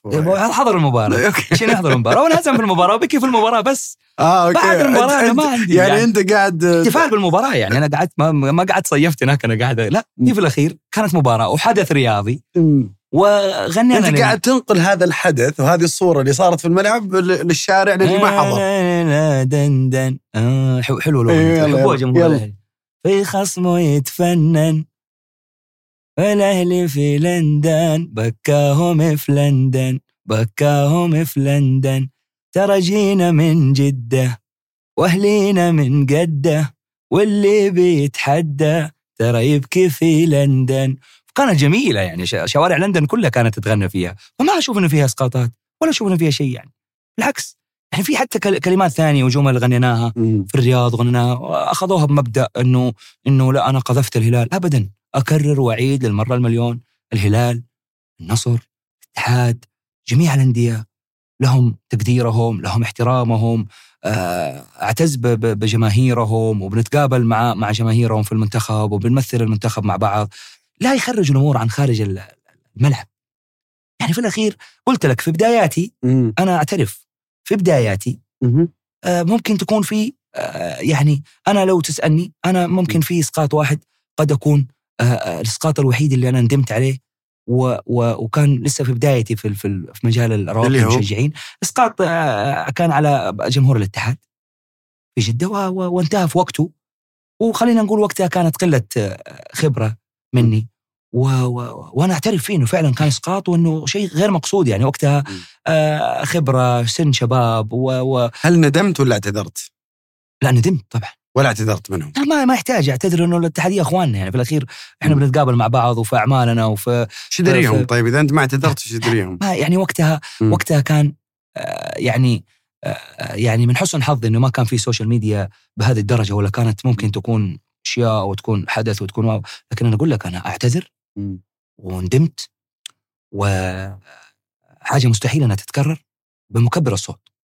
لأنه ممكن يقولها المشجع العادي ممكن. مم. ولكن كقائد رابطة صعبة جدا. محسوبة عليك. خبرة طبعا محسوبة علي كانت. وبعد مرور كم سنة شعرت بندم كبير. وكل المقربين مني وكل المقربين مني من من الأخوان في نادي الاتحاد سواء أخوي الكبير الغالي صالح القرني أو الأخوان في الرابطة أخوي حمدان اللي موجود متواجد حاليا هذا كلهم يعرفوا يعني المحبة اللي بيننا وإنه التنافس في هذا فبالعكس فهي وقتها وانتهت يعني فهذا الشيء الوحيد اللي أقول لك أنا حسيت إنه هو فعلا كان إسقاط وكان خروج عن النص. أما باقي ما بقي من أهازيج ومن تحديات. ومن نقرزة. ومن آه، تبكي وتجينا وتتحدى وهنا ولا تلعب بالنار. و و و اهازيج وتحديات. وحغنيها اليوم وبكرة وبعده لنا في حدود الملعب. يعني الحين شكون أنتم اساءه مثلا؟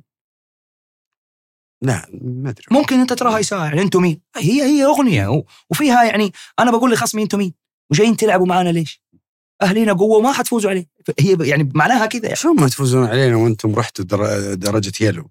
آه نزلتوا اليلو. هذه هذه هذا أول هذا أول. عندي شوف هذا مح- محور كامل والله المحور هذا لو المحور هذا لو تتكلم فيه من اليوم أيوه الين حلقه جاية وحلقه أخرى وبعدها مم. ولين ما تفكر حتى تغير اسم البرنامج مم. صدقني ما راح يهز في الاهلاوي اي شعره لا لا لا عفوا لا لا عفوا لا لا لا، عفوا يعني لا لا اصبر اصبر لا لا لا لا أنا خليني أقول لك أنا والله شوف لحظه مو إيه. باسقاط لا لا لا أنا بعلمك لا لا بعلمك شغله ليش قلت لك أنا نزلت ل- اليلو آه، وت- وتعمدت اني أنا أستثيرك لأنه حقيقة اللي شفناه من الجمهور الأهلي نموذج مثالي للمشجع اللي مع فريقه في الزينة وفي الشينة. يعني إحنا شفنا النماذج المشجعين. كذلك لما الاتحاد لما جاء الاتحاد لما عدت عليه فترة جمهوره برضه كان معاه يعني. إيه كان. مسانده وكان معاه اي وابدا. بس بس نشوف أحيانا في قسوة. يعني في بعض الفرق لما الفريق مو بس ينزل إلى درجة أقل ينهزم لا. مباراه مباراتين بالضبط يكون في قسوة في حدة في المفرد جماهيري إيه. اليوم أنا وأنا راجع لقيت في واحد من والله يعذرني أنا ما ما عرفت اسمه صراحة مع مع الرابطة ال- في مباراة أنا أذكر مباراة القيصومة لأنه أنا قال بك يا رجل في مباراة الأهلي والقيصومة. واحد من الرابطة كان ما أعرف نسيت إحنا نبكي ترى حتى لما الأهلي يفوز. ترى حتى لما الأهلي يفوز. من. حبنا الاهلي نبكي. بجنين أنت. مجانين. إحنا قلناها وغنيناها في المدرجات. مجانين مجانين. جمهور الأهلي في حبه مجانين. فاليوم علاقة الشغف المشجع. إيه؟ أنت أنت دام خرجتني على موضوع آه، دوري الدرجة الأولى وهبوط النادي الأهلي. أنا هبوط- بعرف من المتسبب. أنتم في هبوط رأيك هبوط في النادي رأي المدرج من المتسبب في هبوط النادي الأهلي؟ أسباب كثيرة. مثل؟ أسباب كثيرة وعديدة. مم. ويعيها أصغر مشجع متابع لل- للرياضه. الأهلي في drop كبير. نزول. في drop ونزول كبير من 2017 2018 اللي هي آخر سنة نافس فيها الدوري نافس فيها الأهلي على الدوري مع الهلال إلى آخر جولة. كان البطل بين الأهلي والهلال وحقق الهلال. تعادل الهلال معنا في جدة تعادل وأخذ الدوري. اللي زعلوا مني وقت الهلالية قلت تعالوا جدة وزعلوا مني. هذه من الأشياء اللي أقول لك. في الأخير جوا يعني تعادلوا معنا وأخذوا الدوري وصاروا بيرددوها علي تعال جدة. فما في إساءة يا جماعة. مم. يعني هذه من الأشياء اللي اللي أفتكرها أنا يعني كانت متواجدة فبعدها الأهلي بدأ. في دروب كبير وواضح في آه، يعني آه، سنة بعد سنة الأهلي في الخمسة سنوات الأخيرة أكثر فريق من الأربعة الأندية الكبار والكبير الله عز وجل اللي آه، رأسوه أندية رأسوه. رؤساء أندية وأكثر فريق دربوه يعني خلال خمسة سنوات الأهلي جايب 20 مدرب وجايب 10 رؤساء وتسعة رؤساء. رقم كبير جدا. رقم في علم الإدارة كبير جدا. مرة. نادي رياضي تبغى استقرار تبغى لعيبة تبغى مدرب تجيب 20 مدرب و10 رؤساء و10 مشرفين لكرة قدم خلال خلال خمسة سنوات وأربع سنوات. رقم رقم ترى مبالغ فيه ومستحيل تستقر. فبدي الهبوط في النادي الأهلي وبدي ال ال ال ال ال ال الدروب هذا يحصل في النادي الأهلي. آه، كل رؤساء الأهلي تكلمنا وتحدثنا معهم. أنا شخصيا تحدثت معهم كلهم. كل رؤساء الأهلي السابقين تحدثت معهم. انه ألحقوا الأهلي. من بدري يعني قلت الكلام ده. بدري جدا. وبتاع يعني شفنا الأهلي رايح لمرحلة. مم. نفق مظلم. وكان في سوء فهم وسوء اختلاف بيني وبين ال- الأشخاص اللي كانوا مسيرين للنادي الأهلي في في في تلك الحقبة. أبتعدت وقررت حقبة إني البداية من 2017 2018 ولا في 2018 آخر شيء؟ 2018 لا لا 2018 2019 هذه الفترة اللي اعتزلت أنت فيها؟ بالضبط اللي قدمت استقالتي وابتعدت عن المشهد الأهلاوي وعن آه، ابتعدت عن إدارة التشجيع في النادي الأهلي. لكن ما ابتعدنا عن الملعب متواجدين حاضرين مع كل في كل المباريات وفي كل. ولكن رأينا انه الأهلي رايح لنفق مظلم وحذرنا من بدري وتكلمنا من بدري ولكن لا حياة لمن تنادي. بس كان في نجوم يا أبو خالد. كان في عمر يا أخي يا أخي ال- ال- وكان ال- ال- في- ال- المسيرين للأهلي في هذيك السنين كانوا يرون أنهم هم صح. كانوا يرون أنهم هم صح. هم طبعا كانوا في طريق نفق مظلم وأوصلوا الأهلي إلى هذا ال إلى هذا ال ال ال ال النكسة إلى هذه يعني أنت تبي تقول للجمهور وللشارع الرياضي إن اللي صار للأهلي هو نتيجة العمل اللي خ- صار قبله أربع خمس سنوات مو نتيجة هذيك السنة اللي نزل فيها ما الأهلي. في شك ما في آه. شك طبعا هي السنة يعني ما يتحملها هي السنة اللي- الأخيرة كانت اللي اللي هي ال ال ال ال ال يعني أنت اليوم آه، تقول إنه الإدارة اللي كانت في الموسم اللي نزل فيه الأهلي ل- للدرجة درجة آه، الدرجه الاولى ولدرجه يلو شوف إيه ما تتحمل مسؤوليتها كاملة لا لا الأهلي. شوف أنا ما بدخل في الإدارات لا لا. تتحمل لا لا لا, لا ما ما أدخل في. مم. قلت لك هي هبوط تدريجي من 2017 2018 ال- اللي كانوا مسيرين في هذه السنوات من 2018 مم. للأهلي آه رأوا الأمور من ناحية أخرى ودخل الأهلي معاهم في نفق مظلم حذرنا آه وصلنا معاهم إلى اختلاف وجهات النظر فقررنا الابتعاد لمصلحة الأهلي لأنه وجودنا ما راح يفيد للأهلي شيء ومستحيل نعمل في وسط ونعمل ونشوف أشخاص قاعدين يودوا الأهلي في طريق مظلم ولكن الإدارات اللي تعاقبت كلها تتحمل كيف كل بنت رؤيتك أنت؟ كل إدارة كل إدارة تتحمل إلى الإدارة التي أسقطت الاهلي والتي آآ آآ خلينا نقول أدخلت الاهلي إلى النكسة التاريخية. كان بالإمكان أفضل مما كان. ولكن رأوا الأمور بمنحنى آخر وشافوا ان هم صح وان هم شغلهم صح. فبالتالي اليوم الحديث أخوي فيصل في, في, في هذا الشأن لن يقدم شيء ولا يأخر لا لا. ولن يؤخر شيء ولن يفيد الاهلي. أنا بالنسبة لي أنا ممكن آخذه من جانب ثاني. أنا أتكلم صدق. آه، ابى اشوفها ابى اشوفها أنا من الجانب الإيجابي. الجانب الإيجابي صراحة اللي, اللي لفت نظري مرة في الموضوع عشق هذا الجمهور الغريب. اللي اليوم أبو خالد واحد من أهم رموزه ويمثله. عشق يا رجل ما يعني آه، شوف ما يخفى عليك. أنت تخيل أنك أنت خ- يعني أتكلم عن نفسي أنا بعرف. هذا السر سام تفضل. يعني تخيل اني أنا أقدم استقالتي وأبتعد عن المشهد حباً التشجيعي. حبا في الأهلي وتركت الأهلي يلعب دوري الثمانية مع مع الهلال في كأس آسيا. وأرجع للأهلي يلعب مع الأخدود في الجولة الثالثة دوري يلو. شايف الجاب؟ شجاعة. شايف القاب؟ شجاعة. تركنا الأهلي وهو دوري الثمانية مع الهلال في آسيا. ورجعنا والأهلي في الجولة الثالثة مع الخلود أو الاخدود م. في دوري يلو ما أخفيك إنه دخولنا للملعب تحملنا لهذه المرحلة كان شيء مش سهل. وحضور صف لي الجمهور مشاعرك حضور الجمهور. أخوي فيصل مشاعر يصف لي مشاعرك لا يمكن توصف لأنه أرجع أقول لك والله مش مش صيغة آه، يعني تعالي ولا تكابر ولا شيء. والله هبوط الأهلي هو هبوط ركن وسقوط ركن من أركان الرياضة السعودية. الكل تأثر. الدوري خسر كماركتينج أمور كثيرة وأرقام كثيرة.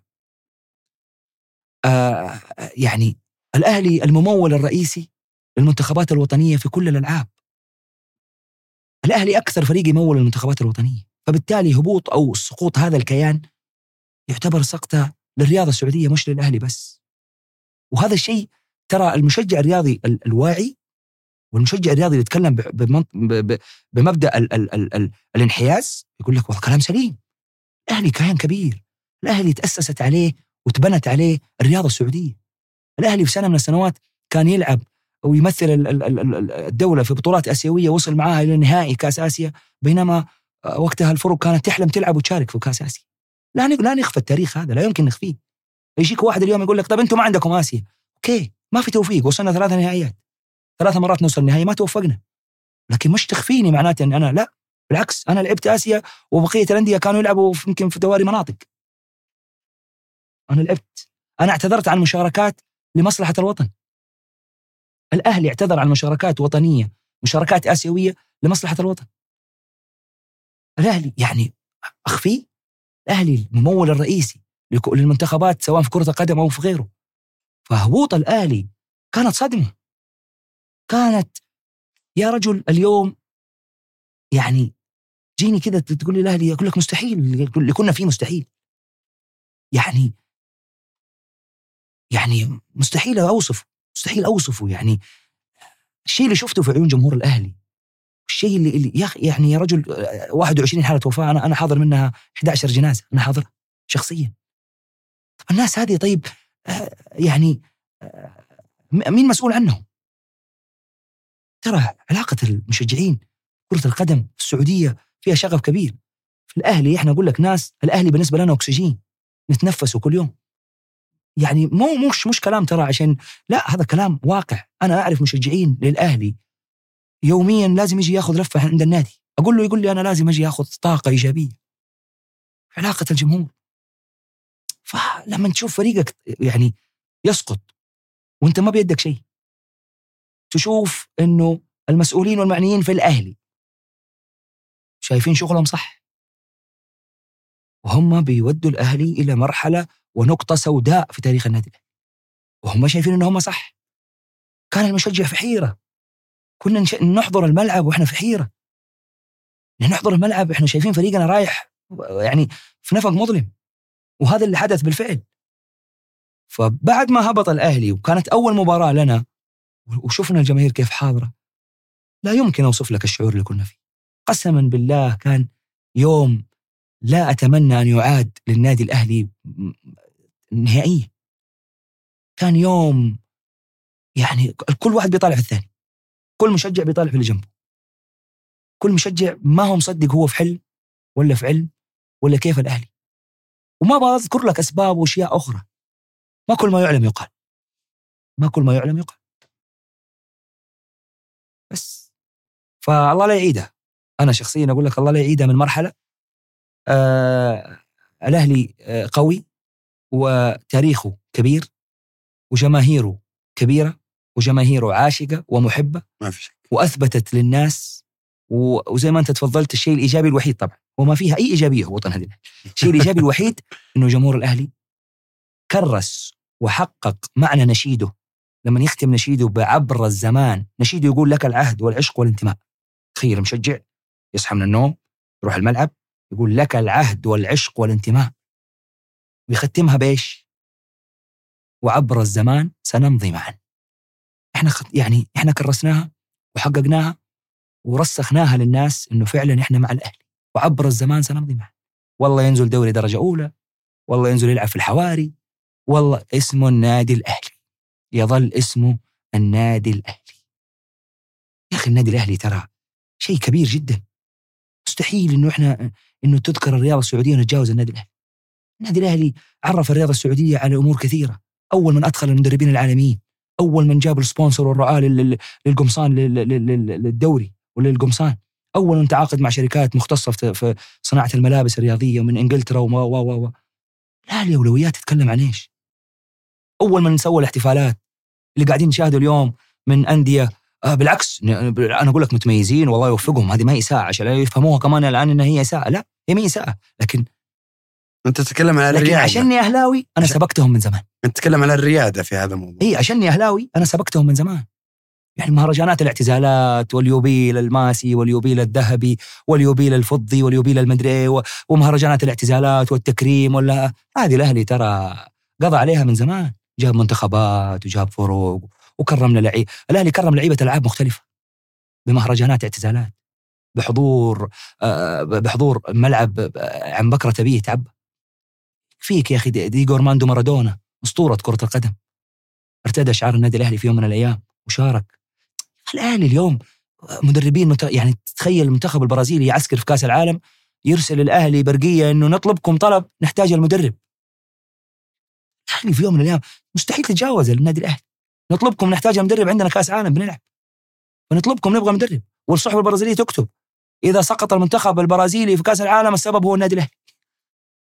فالأهلي اليوم مستحيل مستحيل اتجاوزه في ما يعني ال- ال- الأمير فيصل بن فهد رحمة الله عليه واللي كانوا معنيين في الرياضه السعودية على مدى السنوات يعوا يعني قيمة النادي الأهلي. في الأمير قال لولا الأهلي لماتت الرياضة.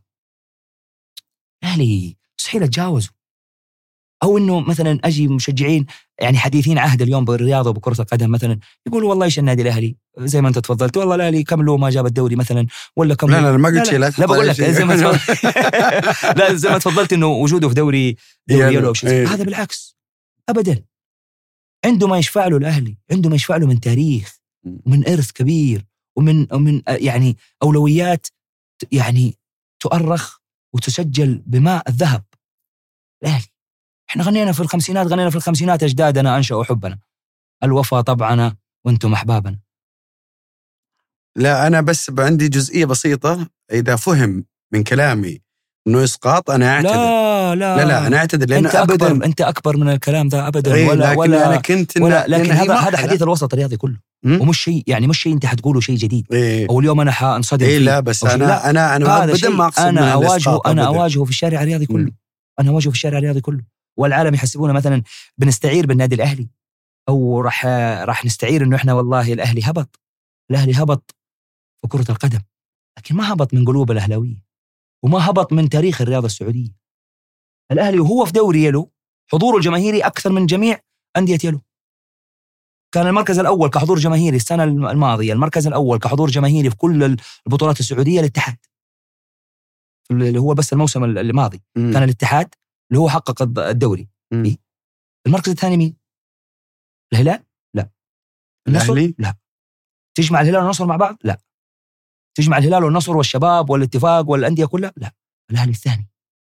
في الحضور الجماهيري وهو في دوري يلا. فالأهلي ما هبط. الأهلي ما هبط في في في, في, في قلوب المحبين. الأهلي ما هبط من تاريخ الرياضة السعودية. قلت لك الأهلي أسست عليه الرياضة السعودية. والأهلي عامود من الأربع عواميد لل- لل- للرياضة السعودية. فلما سقط الأهلي سقط عمود من الرياضة السعودية. لكن سرعة ما عاد جمه- جمهور الأهلي ورجع ال- ال- العمود هذا مكانه ورجع الأهلي إلى مكانه الطبيعي ورجعوا الأهلي إلى موقعه الطبيعي. اللي رجع الأهلي هو الجمهور؟ ما في شك بدون أدنى شك ولا في أحد يقدر ينكر الشيء هذا.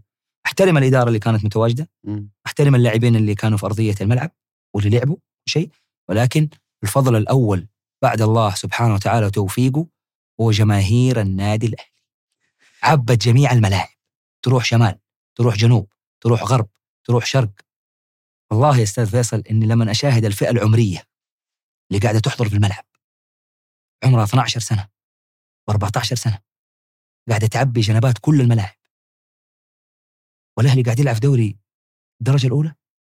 تقول هذا هذا كيان لن يسقط لن يسقط. مهما حاولوا ومهما لن يسقط. هذه المشاعر ما استفزتك؟ طلعتوا أبيات؟ إلا. وهزوجة جديدة و... وقت هبوط الأهلي وفي آخر كم مباراة مم. قلنا الشوق ذابحنا على على شوفك والشوق ما هو شيء بيدينا. أجمل عمر مر في عمري أنت يا الأهلي وأجمل حدث في حياتي إني أهلاوي. كلمات الشاعر الكبير عبادي الزهراني اللي رسخ فيها آه، انه إنه مهما يصير في الاهلي إحنا مع الاهلي يقول الشوق ذابحنا الشوق ذابحنا على شوفك. والشوق ما هو شيء بيدينا أجمل عمر مر في عمري إني أهلاوي وأجمل حدث في حياتي انت يا الاهلي بعدين يقول فيها على شوفك والشوق ما هو شيء بيدينا يا من تعلقت فيه بقلبي وعقلي. يا من تعلقت فيه بقلبي وعقلي. يا من تعلقت فيه بقلبي وعقلي. معك تجاوزت كلمة عاشق وهاوي. أجمل حدث في حياتي أجمل حدث مر في عمري أنت يا الأهلي وأجمل حدث في حياتي إني أهلاوي. هذه كانت الله. هذه ما أخفيك. هذه تغنت في الاستوديو وجميع أعضاء الرابطة في الاستوديو دموعهم على خدهم هم يغنوها أنا من أسوأ يعني من أصعب ال- ال- ال- الأهازيج اللي اللي سجلتها في استوديو.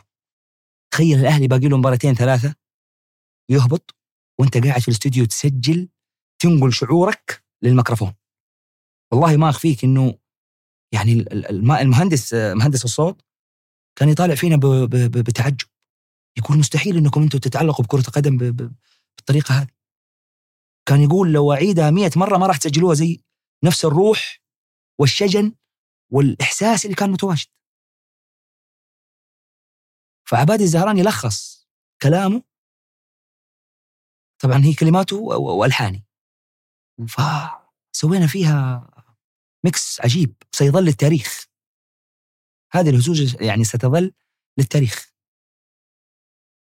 بعد كذا رجع الاهلي لمكانه الطبيعي. رجعنا قلنا شكون أنتم؟ قبل ما ترجعون مكانكم الطبيعي رحتوا وراكم أخذتوا الكاس كذا وطلعتوا. ما احتفلتوا. ما هو تبعنا. ما هو تبعنا. أوف كيف؟ ما هو مكاننا. ما هو مكاننا. ما هو مكان الأهلي نهائيا. أنا أخوي فيصل المباريات اللي كانت في السنة ديك الاهلي لما يجيني مشجع ولا زميل في العمل يشجع فريق ثاني يقول لي مبروك فزتوا؟ أقول له لا لا تقول لي مبروك. أنا ما تقول لي مبروك نهائيا.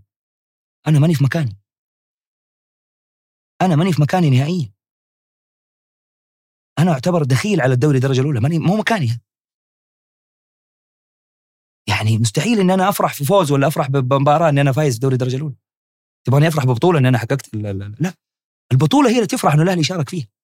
الدوري نفسه والفرق اللي متواجدة الفرق اللي متواجدة أحترمها وأقدرها وأحترم الدوري كله وكل شيء ولكن وجود الأهلي معاهم هذا يعتبر حدث تاريخي لهم هم إنه اليوم يلعبوا مع النادي الأهلي. انت تتخيل انه الفرق هذه كانوا يطلبوا الأهلي في مباريات ودية مثلا وظروف الأهلي ما تسمح وما نقدر نلعب معاهم يتمنوا يلعبوا مباراة ودية مع الأهلي. يرجع الأهلي يلعب معاهم دوري؟ شفت ال- المصيبة؟ شفت معنى هبوط الأهلي كيف كيف هو صدمة بالنسبة لنا؟ في المقابل كان ماركتينج للدوري حق الدرجة الأولى وأكبر تسويق تاريخي حدث وأكبر أرقام مشاهدات حدثت في تاريخ الدوري في تاريخ دواري الدرجة الأولى.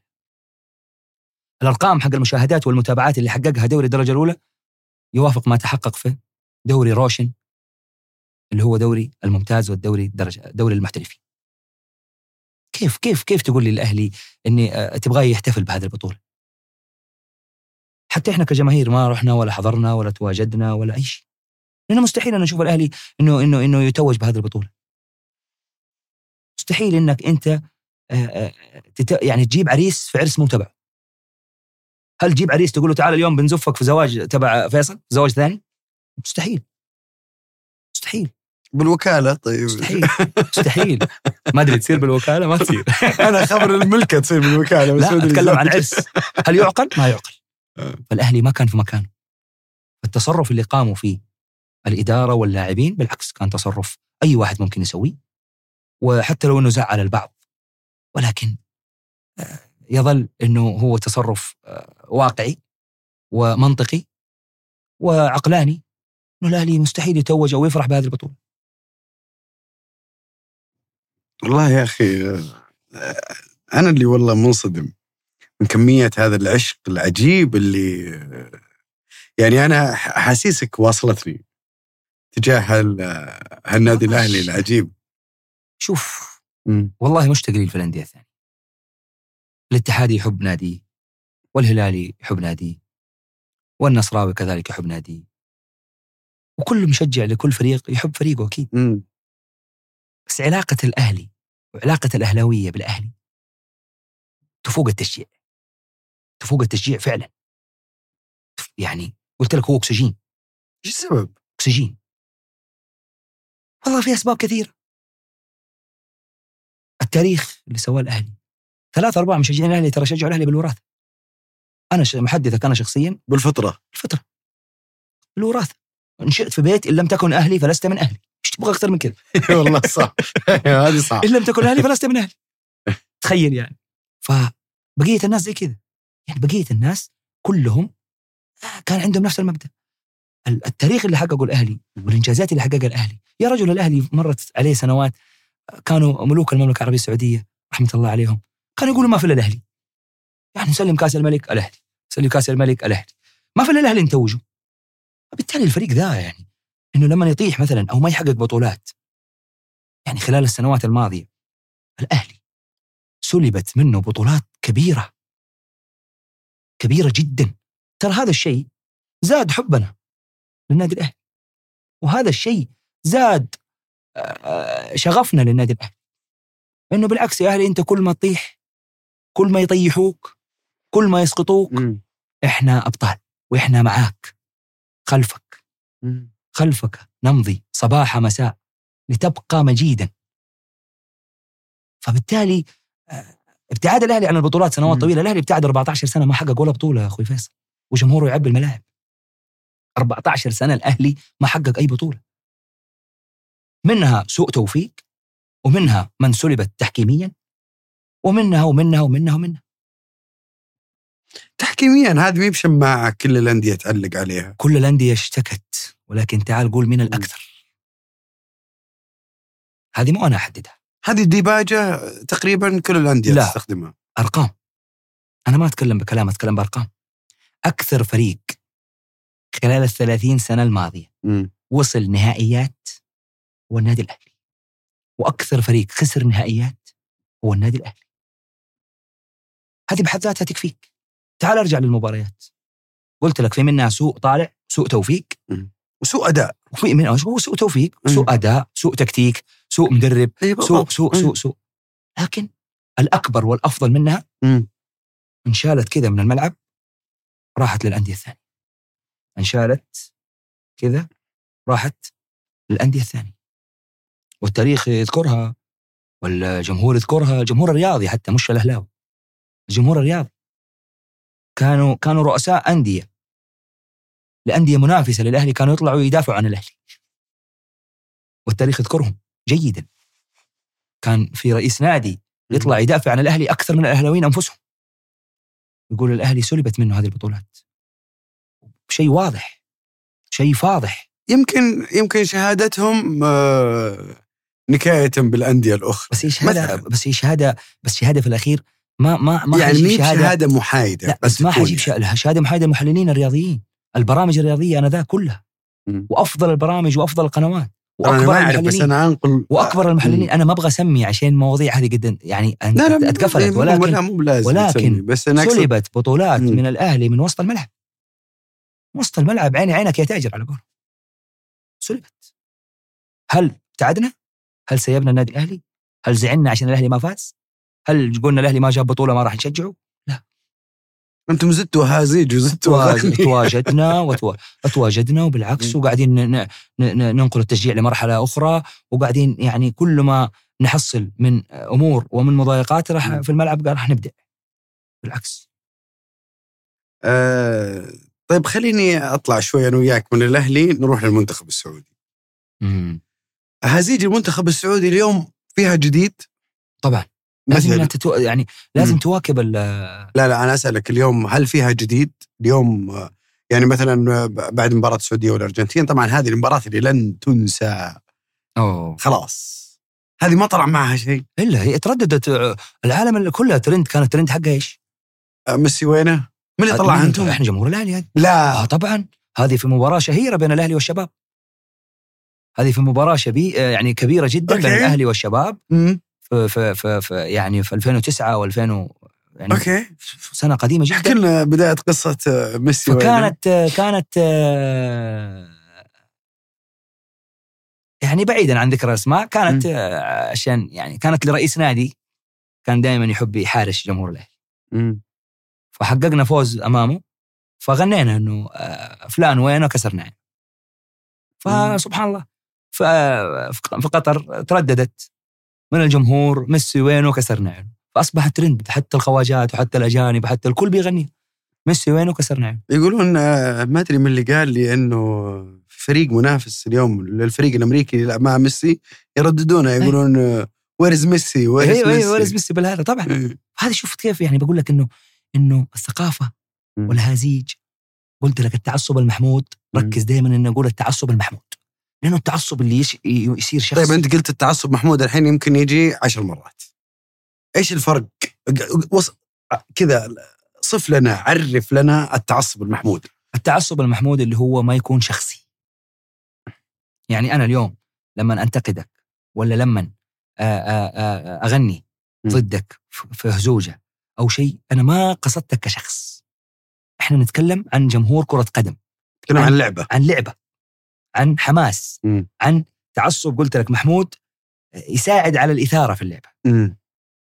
ف... يعطيها جماليه أيوه أي يعني مم. جماليات. بحدود الأدب وفي حدود ال 90 دقيقة مم. يعني أفتكر مرة الاتحاد زمان من ضمن الأشياء يعني كانت في الملعب جميلة والجمهور كله كان. كان الاتحاد يقولوا نار نار نار والتي ولع نار نار نار نار ومدري إيش رديت عليهم أنا اللي ولع من اللي قال لك شب النار. فقلت يا ريتي مين قال لك شب النار شب النار. الملعب كله فكانت يعني انت قلت نار نار وأنا رديت عليك مين قال لك شب النار؟ اتحمل ما يجيك. فهي كذا يعني هذا هو التعصب الم- ال- ال- المحمود اللي نقصده. زي لما أنا أغني عن الفريق الثاني أو أغني فلان ما يمشي أو النادي أو طبيعي. أو حتى مثلا في بعض الأشياء أنا مثلا جمهور الهلال زي ما أنت تفضلت مثلا زعلوا مني في أشياء كثيرة. على إيش؟ يعني يبكي ولا يصير فيه ولا شيء؟ ابدا. كرة قدم إحنا بنبكي ترى بنتكلم عن عن مستطيل الأخضر فهذا هو التعصب المحمود ما يكون ما إحنا اللي يزعلنا إن الأمور تصير إيش؟ شخصية شوفك أنت تقول إيش؟ إنه جمهور الهلال مثلا يعني أغلبه زعلان منك أو يزعل أو اقابله في الشارع يكون زعلان مني ليه؟ أو يقابلوني أنا وأخوي صالح قرني ماشيين في مطعم ولا ولا في مناسبة ولا في زواج ولا في يقول له. الله فكر في المطار رحنا مرة قاعدين نصور إعلان تجاري مم. للمنتخب السعودي فسافرت أنا وأخوي صالح للبنان وإحنا مسافرين يقابلونا الناس في في المطار كذا والله بدر وصالح مع بعض حسسونا يعني إنه إحنا في إنه إحنا كيف بدر وصالح مع بعض؟ إيش المشكلة؟ ترى هي 90 دقيقة في الملعب فقط وتنتهي فهذا اللي اقصده أنا في التعصب المحمود والتعصب المذموم طيب من اللي آه المذموم اللي هي أبدأ أنا أبدأ أتكلم في أمور عنصرية مم. أبدأ أتكلم في أمور شخصية أبدأ أتكلم في أمور آآ آآ يعني خارج عن نطاق. الأدب. طبيعي آه، بس أنا أقصد مثلا هل التعصب اليوم ال- الجمهور آه، أو الروابط مشجعين هم اللي they are create يعني يصنعون ال- ال- التعصب في الجمهور أو من وجهة نظرك طبعا أو البرامج الرياضية؟ يا سلام والله سؤال ممتاز جدا. الناس بتلوم الجمهور مم. وبتلوم الروابط. وبتلوم إنه تعصب. لا يا حبيبي. نفس الكلام اللي إحنا قاعدين نقوله في المدرجات. مم. قاعد ينقال من أشخاص يسموا نفسهم إعلاميين. وهم في هم في الحقيقة ما هم إعلاميين. كامل احترام هم مشجعين لأنديتهم. كل واحد داخل برنامج يمثل نادي. أكثر وينسى إنه هو إيش؟ إعلامي. يمثل مهنة. مم. بالاخير إنه هو إعلامي. لها ضوابط. لها ضوابط ولها آه، مهنية ولها ولها ولها ولها مم. لما أنا ألبس ثوب المشجع إيش خليت لنا إحنا في الروابط إيش خلتونا إحنا في الروابط أجل في الجمهور؟ عشان كذا أقول لك أنا ففي بعض البرامج بالعكس إذا جينا تشوف إنه في تعصب رياضي مذموم أنا أحمل البرامج الرياضية. البرامج الرياضية كاملة مو إلا من رحمة طبعا ما أقول لك إي لا أتكلم اللي في كل شيء في ال- الكويس وفي اللي مو كويس وفي الشيء لا. بس البرامج الرياضية تتحمل لأنه هي أسرع وصول للمشجع. المشجع اليوم يتابع كل البرامج. المشجع اليوم يتابع كل القنوات. المشجع اليوم يتابع كل الإعلاميين. المشجع لو ما تابع الحلقة هذه حيشوفها في الجوال. وهو رايح الدوام. مم. وهو في دوامه. حيتفرج. حيشوف البودكاست في, في, في, في الدوام في السيارة في البيت. ما. شافه اليوم حيشوفه بكرة. حيشوف إعادة. حيشوف ترند. حيشوف آه، مقاطع الواتساب. مم. يتناقلوها. فكل كلمة محسوب عليها الإعلامي. محاسب عليها. محاسب عليها إنك أنت قاعد مثلا تثير أو تسوي شيء بين بين الجماهير أو تبت أو تبدا تدخل في أمور بين الجماهير عشان تحقق لنفسك. مجد شخصي. مجد أو شو أو اسم. ياما إحنا كأهلاويين. ياما صنعنا إعلاميين كثير. أوف. طبعا. إحنا كأهلاويين صنعنا إعلاميين ما يحلموا في يوم من الأيام إنهم يطلعوا في التلفزيون. أنتم أهلاويين مشجعين تقصدوا رابطة؟ إيه. مشجعين. اللي أتكلم. جماهير. ليه طلع من عندكم مشجعين راحوا إعلاميين؟ في مشجعين مم. يعني أنا أقصد أقصد في إعلاميين مم. يسيئوا للأهلي والجمهور الأهلي يستفزون يصيروا- عشان الجمهور. يصيروا إيش؟ آه ترند يا سلام على حساب مين؟ على حساب جمهور الأهلي فأنا أقول لك إحنا. كجماهير أهلاوية ياما صنعنا إعلاميين كثير مم. كل أمانة إحنا صنعنا إعلاميين يحلموا في يوم من الأيام إنهم يطلعوا في التلفزيون لكن صاروا يطلعوا في التلفزيون عشان جمهور الأهلي صنع الاسم لنفسهم اسم فهو ما يعني هو مش إعلامي ولا صنع مم. مادة كويسة ولا مادة مفيدة إعلامية لا هو أساء وبالإساءة حقته أصبح مشهور وللاسف للأسف. يعني هذا توجه آه، كبير صراحة توجه كبير في في, في, في يعني إلا من رحم ربي طبعا مم. يعني أتابع أحيانا بعض البرامج أو بعض اللقطات أو بعض المقاطع تيجي يكون في صدام بين إعلاميين اثنين في برنامج واحد أو يكون في لا صراحة يوصلوا لمرحلة والله ما. وصلنا لها إحنا في الجمهور أوف طبعا يعني أنت تقول إن أنتم آه، ابدا مو انعكاس اللي قاعد يصير في, في البرامج. لا لا لا لا. ولا ولا ولا تأثر فينا من ناحية إنه والله إنه نخسر بعض كجماهير وكعلاقات بين الأهلي والهلال والاتحاد والنصر عشان إعلامي مثلا عنده حسابات شخصية أو عنده تصفية حسابات شخصية في برامج مع ناس ومع شخصيات في انديتهم سواء في الأهلي في الاتحاد اليوم. ما أتكلم أنا عن الأهلي أتكلم عن الإعلام الرياضي عموما. إيه بشكل عام. فما تأثر فينا شيء. بالعكس. بالعكس هذه هذه يعني توصل آه، مدى فكره هو. مدى فكره هو ذا الشخص. انه ما, ما عنده أي شيء يقدمه في البرنامج. صداها ينعكس عليكم في في المدرج وفي الجمهور صح؟ تشوفها أنت. تشوف أشوفها. تشوف صداه أشوف. هل تعتقد إنهم هم الآن يواكبون هذا التطور اللي قاعد يمشي آه والحركة الرياضية السريعة اللي, كا- اللي قاعدة تتطور في المملكة العربية السعودية بقيادة اسمه سيدي الأمير محمد بن سلمان؟ أتوقع هل الإعلام اليوم كجزء قاعد يواكب؟ هل أنت من وجهة نظرك الشخصية قاعد يواكب هالتطور بشكل سريع. نقول إن شاء الله. لكن عندهم المزيد. نقول إن شاء الله. ولكن أنا واثق أنا ما أتكلم عن الإعلام العام. الإعلام العام قاعدين قاعد يؤدي دوره بشكل أتكلم عن أتكلم عن البرامج الرياضيه لا البرامج الرياضية حقيقة يبغى لها. البرامج الرياضية البرامج الحوارية. قلت لك فيها يعني مم. أنا عندي تحفظ كبير فيها صراحة. ما يعني عندي تحفظ كبير في بعض المواد اللي اللي قدموها يعني أنا أشوف إنه أنا أضيع وقتي أتفرج برنامج ساعتين ثلاثة حواري ويكونوا جالسين خمسة ستة سبعة عشرة ضيوف أسمع أحيان فوضى. حتى أبغى أسمع أبغى أفهم إيش يقولوا والله ما أسمع. هذا يرد على ذا وذا يصيح على ذا وذا يبغى يقول رأيه هو وهذا يأخذهم بالصوت وهذا الثاني يجيب فكرة من خارج الصندوق يكون الحديث عن مدرب ولا عن لاعب يروح ذا يوديهم شيء ماله يتكلم في أمور في الأحلام. كل أمانة أنا شاهدها. بس عشان هو بيكسب ترند. بيكسب اليوم إن أنا أخالف تعرف. أجيب حاجة كذا خارج الصندوق عشان أنا اخالف وأعرف. عشان اليوم أنا أصير ترند وأضرب جمهور سين بجمهور صاد. وأكسب مجد شخصي. لا هذا مش الإعلام اللي نبغاه اليوم إحنا. صراحة هذا مش الإعلام اللي نبغاه اليوم إحنا. طبعا أنا ما أعمم لكن أقول لك يعني إلا من رحم ربي. لكن إن شاء الله يعني إنه يواكبوا الشيء هذا وإنه يقدموا برامج هادفة ويقدموا برامج رياضية مطلوبة يقدموا أشياء الجمهور. يحتاجها يقدموا رسائل الجمهور يحتاجها يقدموا معلومات.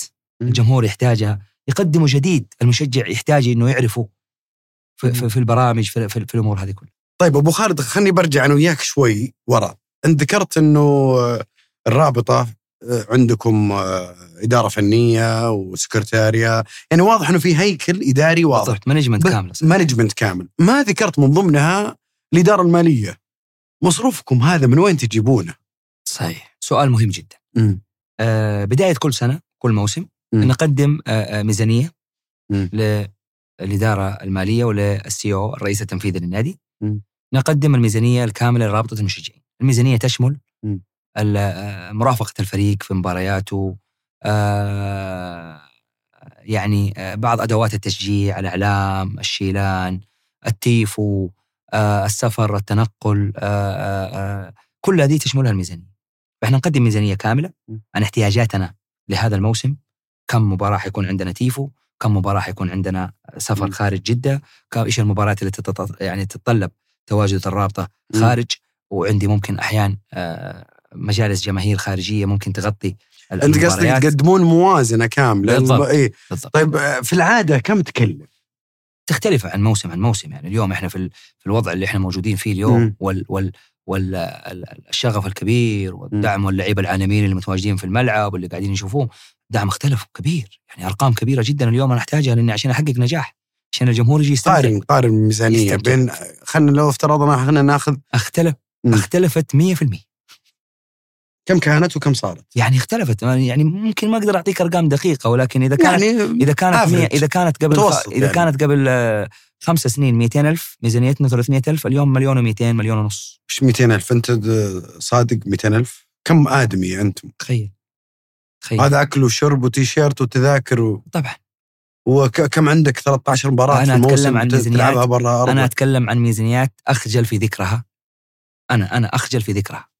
في الأهلي. معناتها تدفعون من جيوبكم في أنتم؟ الاهلي توصل إنك تدفع من طبعا جيبك؟ طبعا ياما. الين اليوم ولين بكرة. ولا تسوون جمعية كذا. طبعا. الين اليوم ولين بكرة. لا بالعكس. شيء نفتخر فيه. شيء آه، يعرفوه ال ال ال ال ال ال يعني يعرفوه ال- ال- ال- الإدارات المسؤولة عن النادي خلال السنوات الماضية. مم. يعرفوا الشيء هذا. ما يخفى دعمهم ولا ننكر دعمهم ولكن في أمور أحيان. نواجهها نقفلها من عندنا. أحيان في في أخوي فيصل في نثريات أحيان تكون تحتاجها ويكون لازم عندك زي البتكاش يعني تتعامل اي فيها. عهده هذه عهده إحنا. إحنا نتكفل فيها أحيان أحيان من عندنا إحنا ندفع من جيوبنا في مباريات كثير جدا ولا تعوضون لا نهاية موسم ولا. غيره يعني خليني أقول لك الشيء. بالشيء يذكر مم. ترى آه ثلاث أرباع إيش ثلاث أرباع؟ مم. جميع أعضاء رابطة المشجعين متطوعين يعني ما فيش أحد قاعد ياخذ راتب شهري أو قاعد ياخذ مكافأة شهرية أو شيء يعني أنت ما تاخذ راتب؟ لا. إحنا ناخذ مكافآت مقطوعة بين فترة وفترة يعني أحيانا تجي.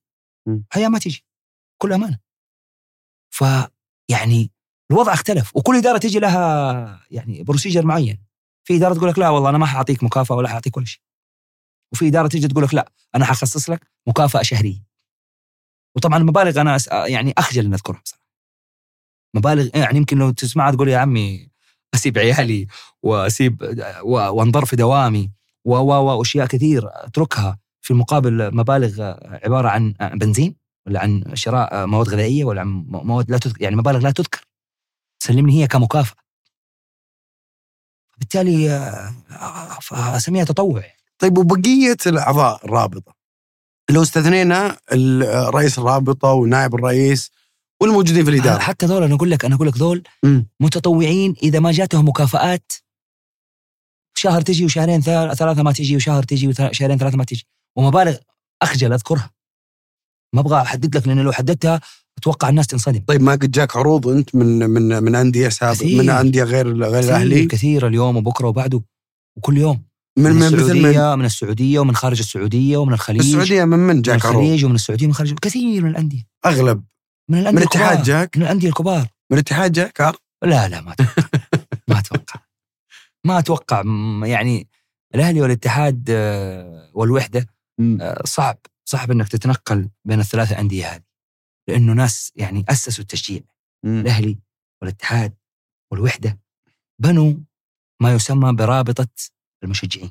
ما في مستحيل يصير فيه ماتشنج إيه. مستحيل. بيجي دعم يعني عاطي عم عاطي الله يحفظه بيروح يدعم الأهلي بيروح يدعم الاتحاد. إحنا بندعمهم مثلا بندعم. الوحدة بندعم في مشاركاتهم بيدعمونا بندعي لهم بيدعوا لنا.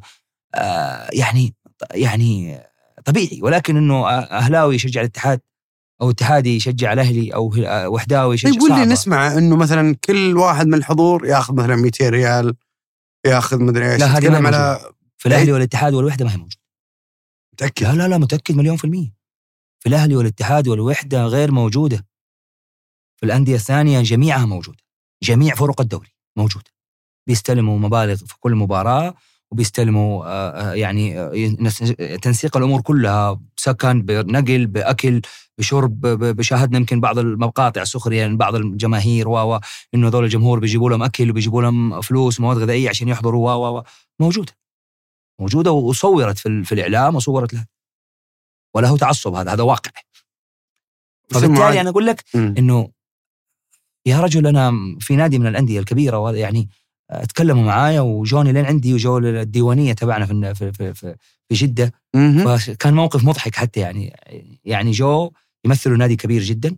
وجايبين رقم فلكي ورقم كبير من وين؟ جدا. من الرياض النادي؟ آه خلاص ما ما يحتاج. كبير جدا ما في إلا الرياض و... ما ما أذكر نادي ما أذكر أي نادي آه أوكي كمل. ولكن آه يعني أنت تبغى تحاول تصيدني في الموضوع هذا. فجو والمضحك إنه لما دخلوا الأشخاص اللي مفوضين إنهم يتفاوضوا معايا هم جوني طبعا قالوا بنسلم عليك وبنتقهوى عندك قلت الله يحييكم. فجو تفاجئوا لما دخلوا الديوانية والمجلس عندنا. ديوانية الملوك عندنا ديوانية الملكي النادي الأهلي. تخش كذا كل شيء يخطر في بالك بشعار النادي الأهلي. كوب الشاهي. هذه الديوانية وينها في بيتكم؟ في جدة في جدة. لا لا في, آه. في جدة. ماخذينها لل... لل... يعني زي عندنا هنا استراحة. بالضبط. عندكم مم. استراحة والديوانية هذه نجتمع فيها. نسوي بروفاتنا الصغيرة فيها أحيانا. نجتمع اذا في اجتماعات آه، تحتاج يعني عمل يحتاج اجتماعات خاصة وتلاقينا مجتمعين فيه على طول. ونستقبل فيه اللاعبين القدامى للأهلي الأجانب اللي بيجوا يزوروا النادي الأهلي بعد فترات لعيبة مثلوا الأهلي قبل 10 و20 سنة يزورونا في جدة لازم يجونا في الديوانية نقوم بالحق بالواجب والله بنروح أنا ومهند للديوانيات شرفونا تشرفونا يعني تشرفونا يعني بالعكس ونقوم بالواجب وهذا أقل شيء. نبي ف... نروح نصور تشوف الديوانية والله العظيم تشوف الديوانية تدخل الكاس حق الشاهي الكوب القهوة الموية كل اللي بيتقدم بشعار النادي والمجلس والكنب طيب إذا جاك واحد اتحادي ونصراوي ما يبي لا ما ما ما ما اظنه يقدر يدخل ولا ما في ضيف في حكم ضيف ما أقول. بس خلاص.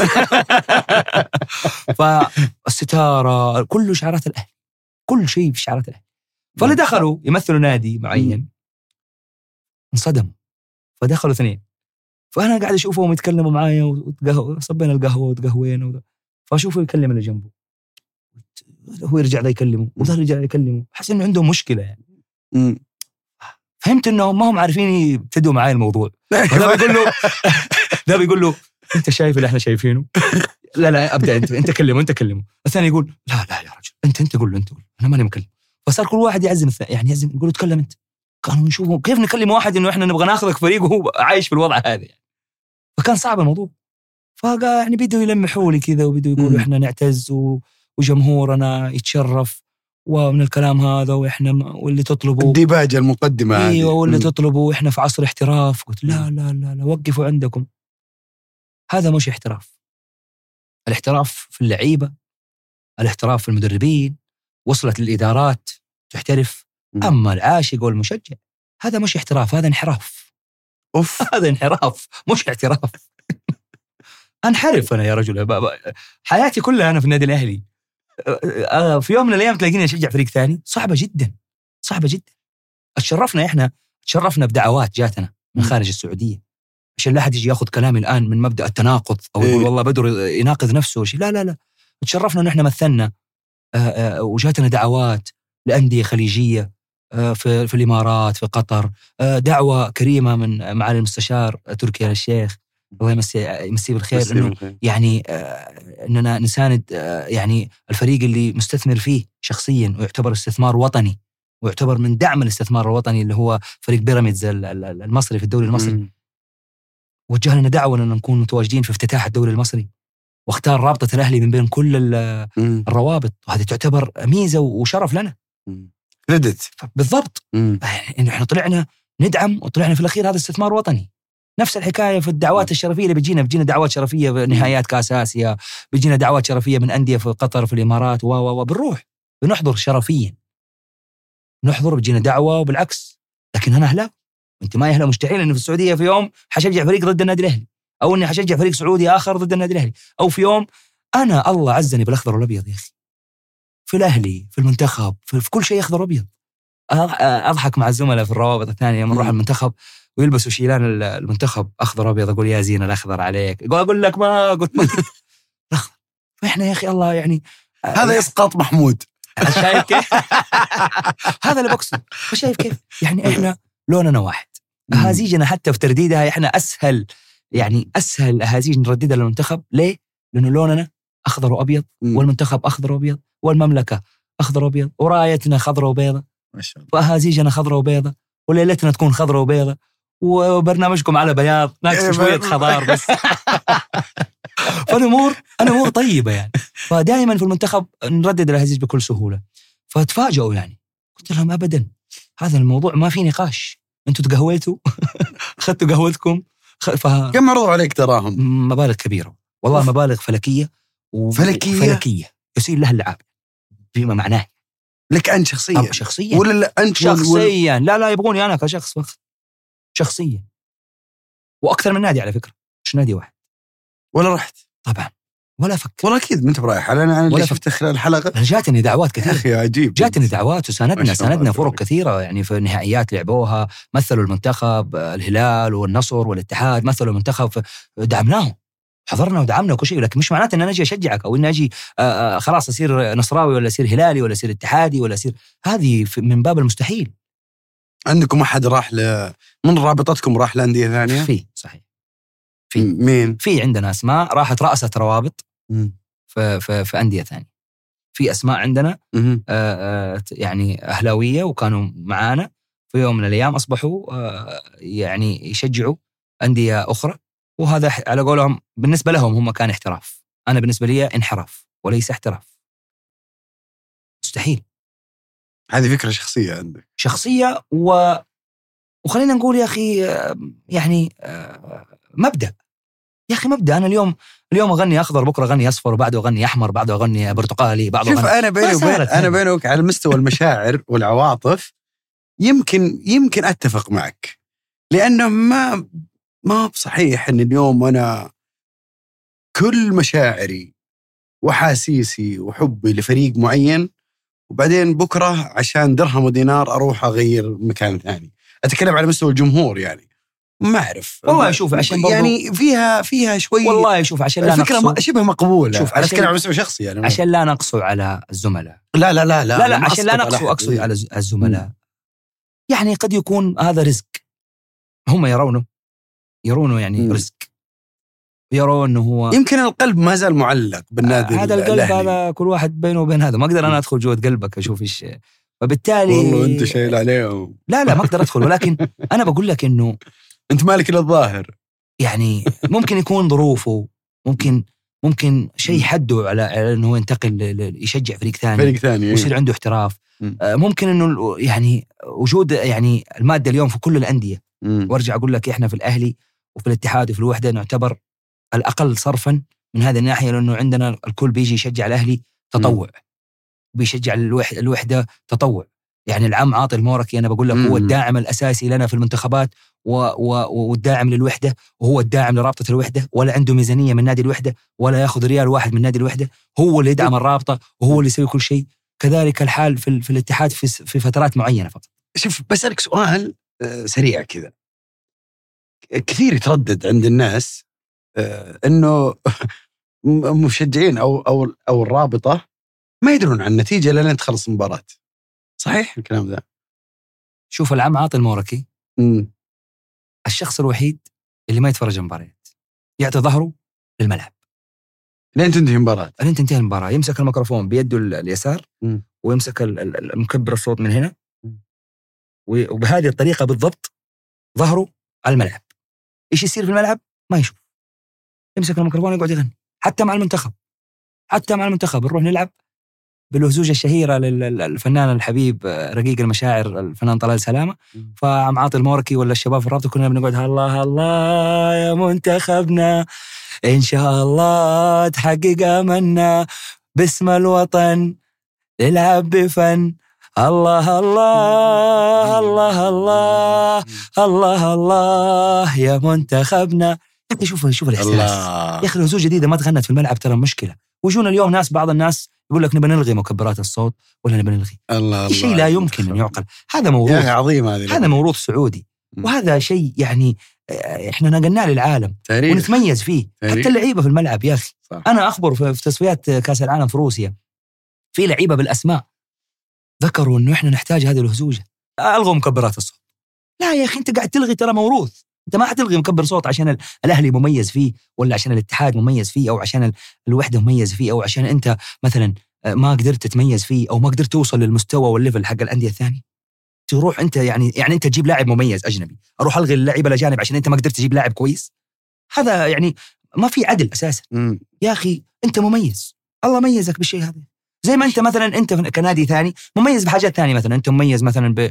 بأنك تستقطب لعيبة آه، عالميين وتستقطب. يا أخي الله ميزنا بأنه إحنا تشجيعنا مختلف حضورنا كروابط مشجعين مشاعركم مختلف مختلفه مشاعرنا مختلفة. نوصل الرسالة للعيبة نستخرج الطاقات الإيجابية من اللعيبة ونطرد الطاقات السلبية. هذا الله ميزنا فيها يا أخي. هذه ميزة لنا تحرمني منها. تقول أنا ألغي مكبرات الصوت؟ شيء غريب شيء غريب حقيقي. الحب اللي يأديها طبعا هو بالنسبة لي مدرسة وبالنسبة لي هو الإحساس وهو المشاعر وهو كل شيء. أستاذ طلال أستاذ سلامه طلال سلام. عظيم. يعني هذا هذا هذا أنا شوف مم. أنا في سر ترى. أنا لجيت الملعب. لجيت أيوة. الملعب. مم. ورافقني هو في العديد من المباريات يعني لأنه هو محب للكورة للرياضه عامة يعني. هو مش ما ينتمي لنادي معين يحضر لجميع الأندية و لكن آه، رافقني كذا مرة في مباريات الأهلي وجاء وشاف المبار... ولحن للأهلي كذا هزوجة لي أنا لحن لنا هي آه، عظيمة جدا لقت استحسان في هزوجة كسرت الدنيا من الحان وتفاجئوا الناس إنها من الحان الفنان طلال سلام. وهو ملحن عبقري ترى على فكرة. له ألحان عظيمة في, في, في الساحة الفنية. ف يعني أخذته معايا ونروح ونروح الملعب. فهلا هلا منتخبنا يوم تتغنى لها كلام ثاني ولها شعور ثاني. فبقول لك لا بقول لك اللعيبة طلبوها بالاسم. طلبوها. وغنيناها في تصفيات كأس العالم في مباراة اليابان في جدة وأستراليا في جدة والإمارات في جدة. يا أخي حتى أغنية مبروكة. مع ترديد الأغنية المنتخب يسجل هدف. الله. مع ترديد الاغنيه المنتخب يسجل هدف. فيعني يا أخي فيها شعور. العب يا كابتن مثل بلادك ولك الشرف. آه خطط لهجمة مرسومة رسمة تصنع هدف. آه هز الشباك. جمهورك وراك. هز الشباك جمهورك وراك. بيهتفوا ويهللوا يهللوا ويهتفوا.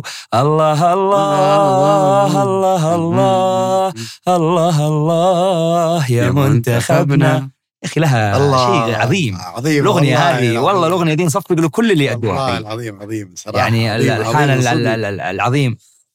محمد شفيق رحمة الله عليه. والله إن الحديث معك لا يمل ابدا يا حبيبي يا أخي اسم الله يا على حبيبي قلبك أبد أبد. طيب آه، آه، أبو خالد آه، متعتنا وأمتعتنا كعادتك. بسم الله على قلبك. ما شاء الله تبارك الله. أبي رأيك بعطيك أسماء أبي رأيك فيهم في من كلمتين إلى ثلاث كلمات. وكونك بعد ما شاء الله شاعر فأكيد إنك آه، تنتقي المفرد في الأهلي بس ترى ما أكتب إلا في الأهلي بس. آه، سعود البرقاوي. ما خذلني كثير. شفت يوم يقول لك شخص حببك في المجال وفي نفس الوقت هو اللي كرهك في المجال.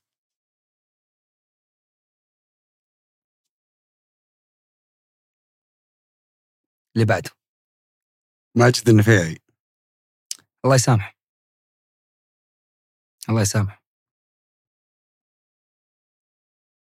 عمر السومة. أنت جايب اسماء منق... يعني منقيها ب عمر السومة لاعب كبير. حقق في الأهلي تاريخ كبير. ولكن كانت النهاية غير جيدة في الأهلي. عمر السومة ثمانية سنوات في الأهلي أربع سنوات لاعب محترف ولاعب كرة قدم حقيقي أربع سنوات سمها ما شئت. كان خارج المستطيل الأخضر. محمد بركات. باراكوتا من أميز ال- اللاعبين وادبا وخلقا وخارج الملعب وداخل الملعب. أتوجه ما شاء الله حتى للإعلام صار إعلامي مميز ومقدم برامج مميز. دائما أفخر لما أشوفه ناجح حقق أرقام كبيرة مع آه، الأهلي المصري ومع منتخب آه، مصر. ومع النادي الأهلي كذلك حقق معنا البطولة العربية وكان نجم للبطولة العربية. آه، لاعب حقيقة موهوب ويعني يزعلنا يعني زعلنا إنه إنه ما طول في الأهلي. كنا نتمناه يقعد أكثر في الأهلي. محمد عبد الجواد. آه لاعب كبير تاريخ كبير آه توجه لتوجه آه، يرى فيه إنه هو آه، مميز. قسى على الأهلي كثير. أحبه شخصيا. ولكن في بعض في بعض آرائه في الأهلي يعني أحسه مشخص يعني مشخصنها شوية في الأهلي ما تعدها رأي بالنسبة له وقلت لك مم. هو, ك... هو كرجل. وكحبيب وكأخ مم. آه، يعتبر تختلف مع رأيه أخ كبير لنا مم. كابتن محمد أبو عابد حبيب وهو يعرف شخصيا يعني كيف إحنا نحبه ولكن أختلف معاه في بعض الآراء التي تخص النادي الأهلي مم. في مرحلة كان أتوقع الجانب الشخصي كان مشخصنها شوية في الأهلي المدرب الجنوب أفريقي بيتسو تاريخ له إنه درب للنادي درب النادي الأهلي. إنه أضاف اسمه في أسماء آه، المدربين العالميين اللي دربوا النادي الأهلي هو مدرب آه، يعني ممتاز وجيد. وحقق أرقام كبيرة مع آه، الشقيق الأهلي المصري.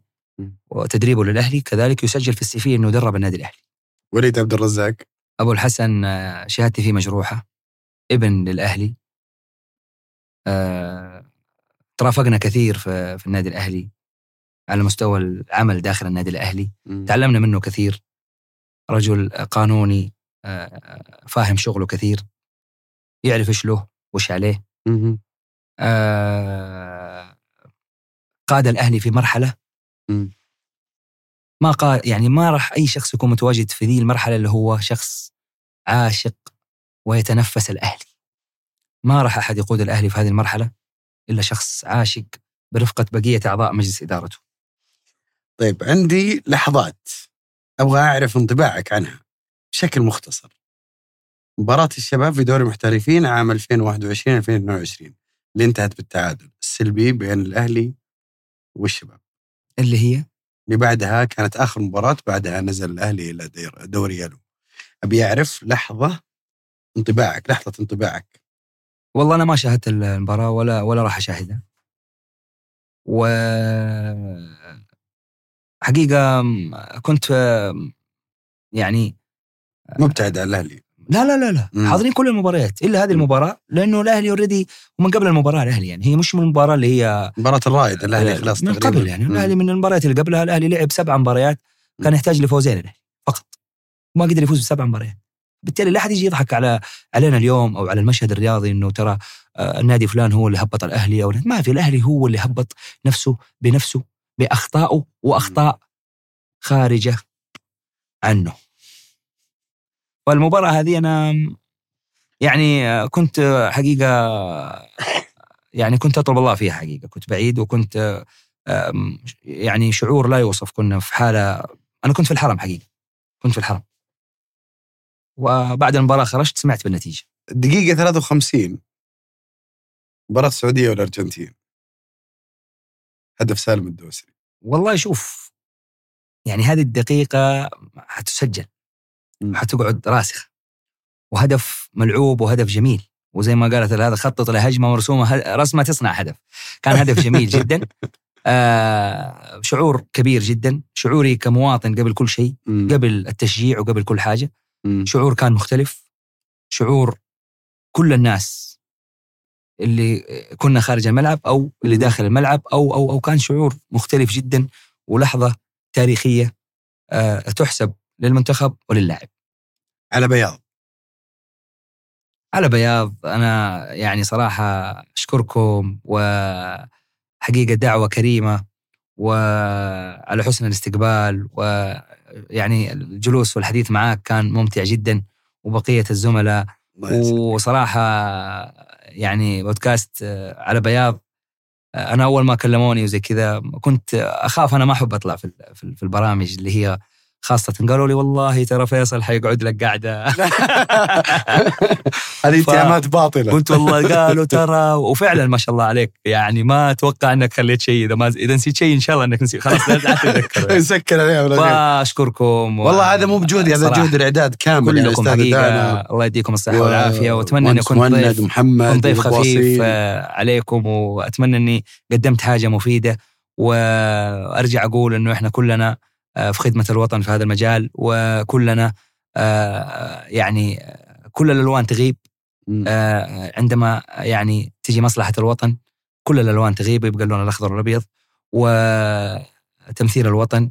ودائما أحب إني أنا يعني أتمنى الناس إنها يعني لا تحاول إنها تخرج برا الملعب ولا تحاول إنها تبدأ. يعني تشخصن الأمور كثير لأنه الشيء هذا ترى زعلنا كثير. وشيء بيضايقنا كثير في الملاعب. آه، هي كرة قدم ورياضة لعبة تنافسية آه، فيها من الأخذ ومن العطاء ومن التحدي ومن النقرزة ومن ال- يعني التعصب أرجع أقول لك. محمود شكرا لك آه،. آه، أنا في هذه الحلقة أبغاك تختم أنت. اولا شكرا لك أنت. شكرا على المشاعر الجميلة. وشكرا لك إنك تعنيت. أبد، لا آه، والله واجب. السفر. واجب بالعكس. بس طبعا خلاص أنا ومهند أخذنا منك موعد ب- بنحضر معك في المدرج أبدا أبدا. تنورنا وتشرفونا في أي وقت. جعلك تسلم. أنا أبيك تختم آه هذه الحلقة بنشيد الأهلي. نشيد الأهلي ولا أي شيء للأهلي؟ الأمر إليك. ما على ما على الكريم تشرط طيب. أنت كريم وحنا نستاهل. تستاهل. والجمهور يستاهل. أهلي يا أهلي يا أهلي آه. أوه هو يا أهلي يا أهلي أهلي يا أهلي يا أهلي يا عشق ناسي وأهلي من اللي باسمه النادي أهلي من هو سفير بلادي أهلي من اللي باسمه النادي أهلي من هو سفير بلادي أهلي؟ حبك ساكن والله فؤادي ومن زيك مين؟ أوه, أوه يا أهلي أوه, أوه يا أهلي أوه, أوه يا أهلي. وبحبك مجانين أهلي أهلي أهلي. آه هو هو هو يا أهلي يا أهلي أهلي يا أهلي يا أهلي يا عشق ناسي وأهلي. يديكم العافية حبيبي. الله يسعدك حبيبي. الله شرفنا شرفنا. الله يسعدك يا حبيب قلبي شكرا.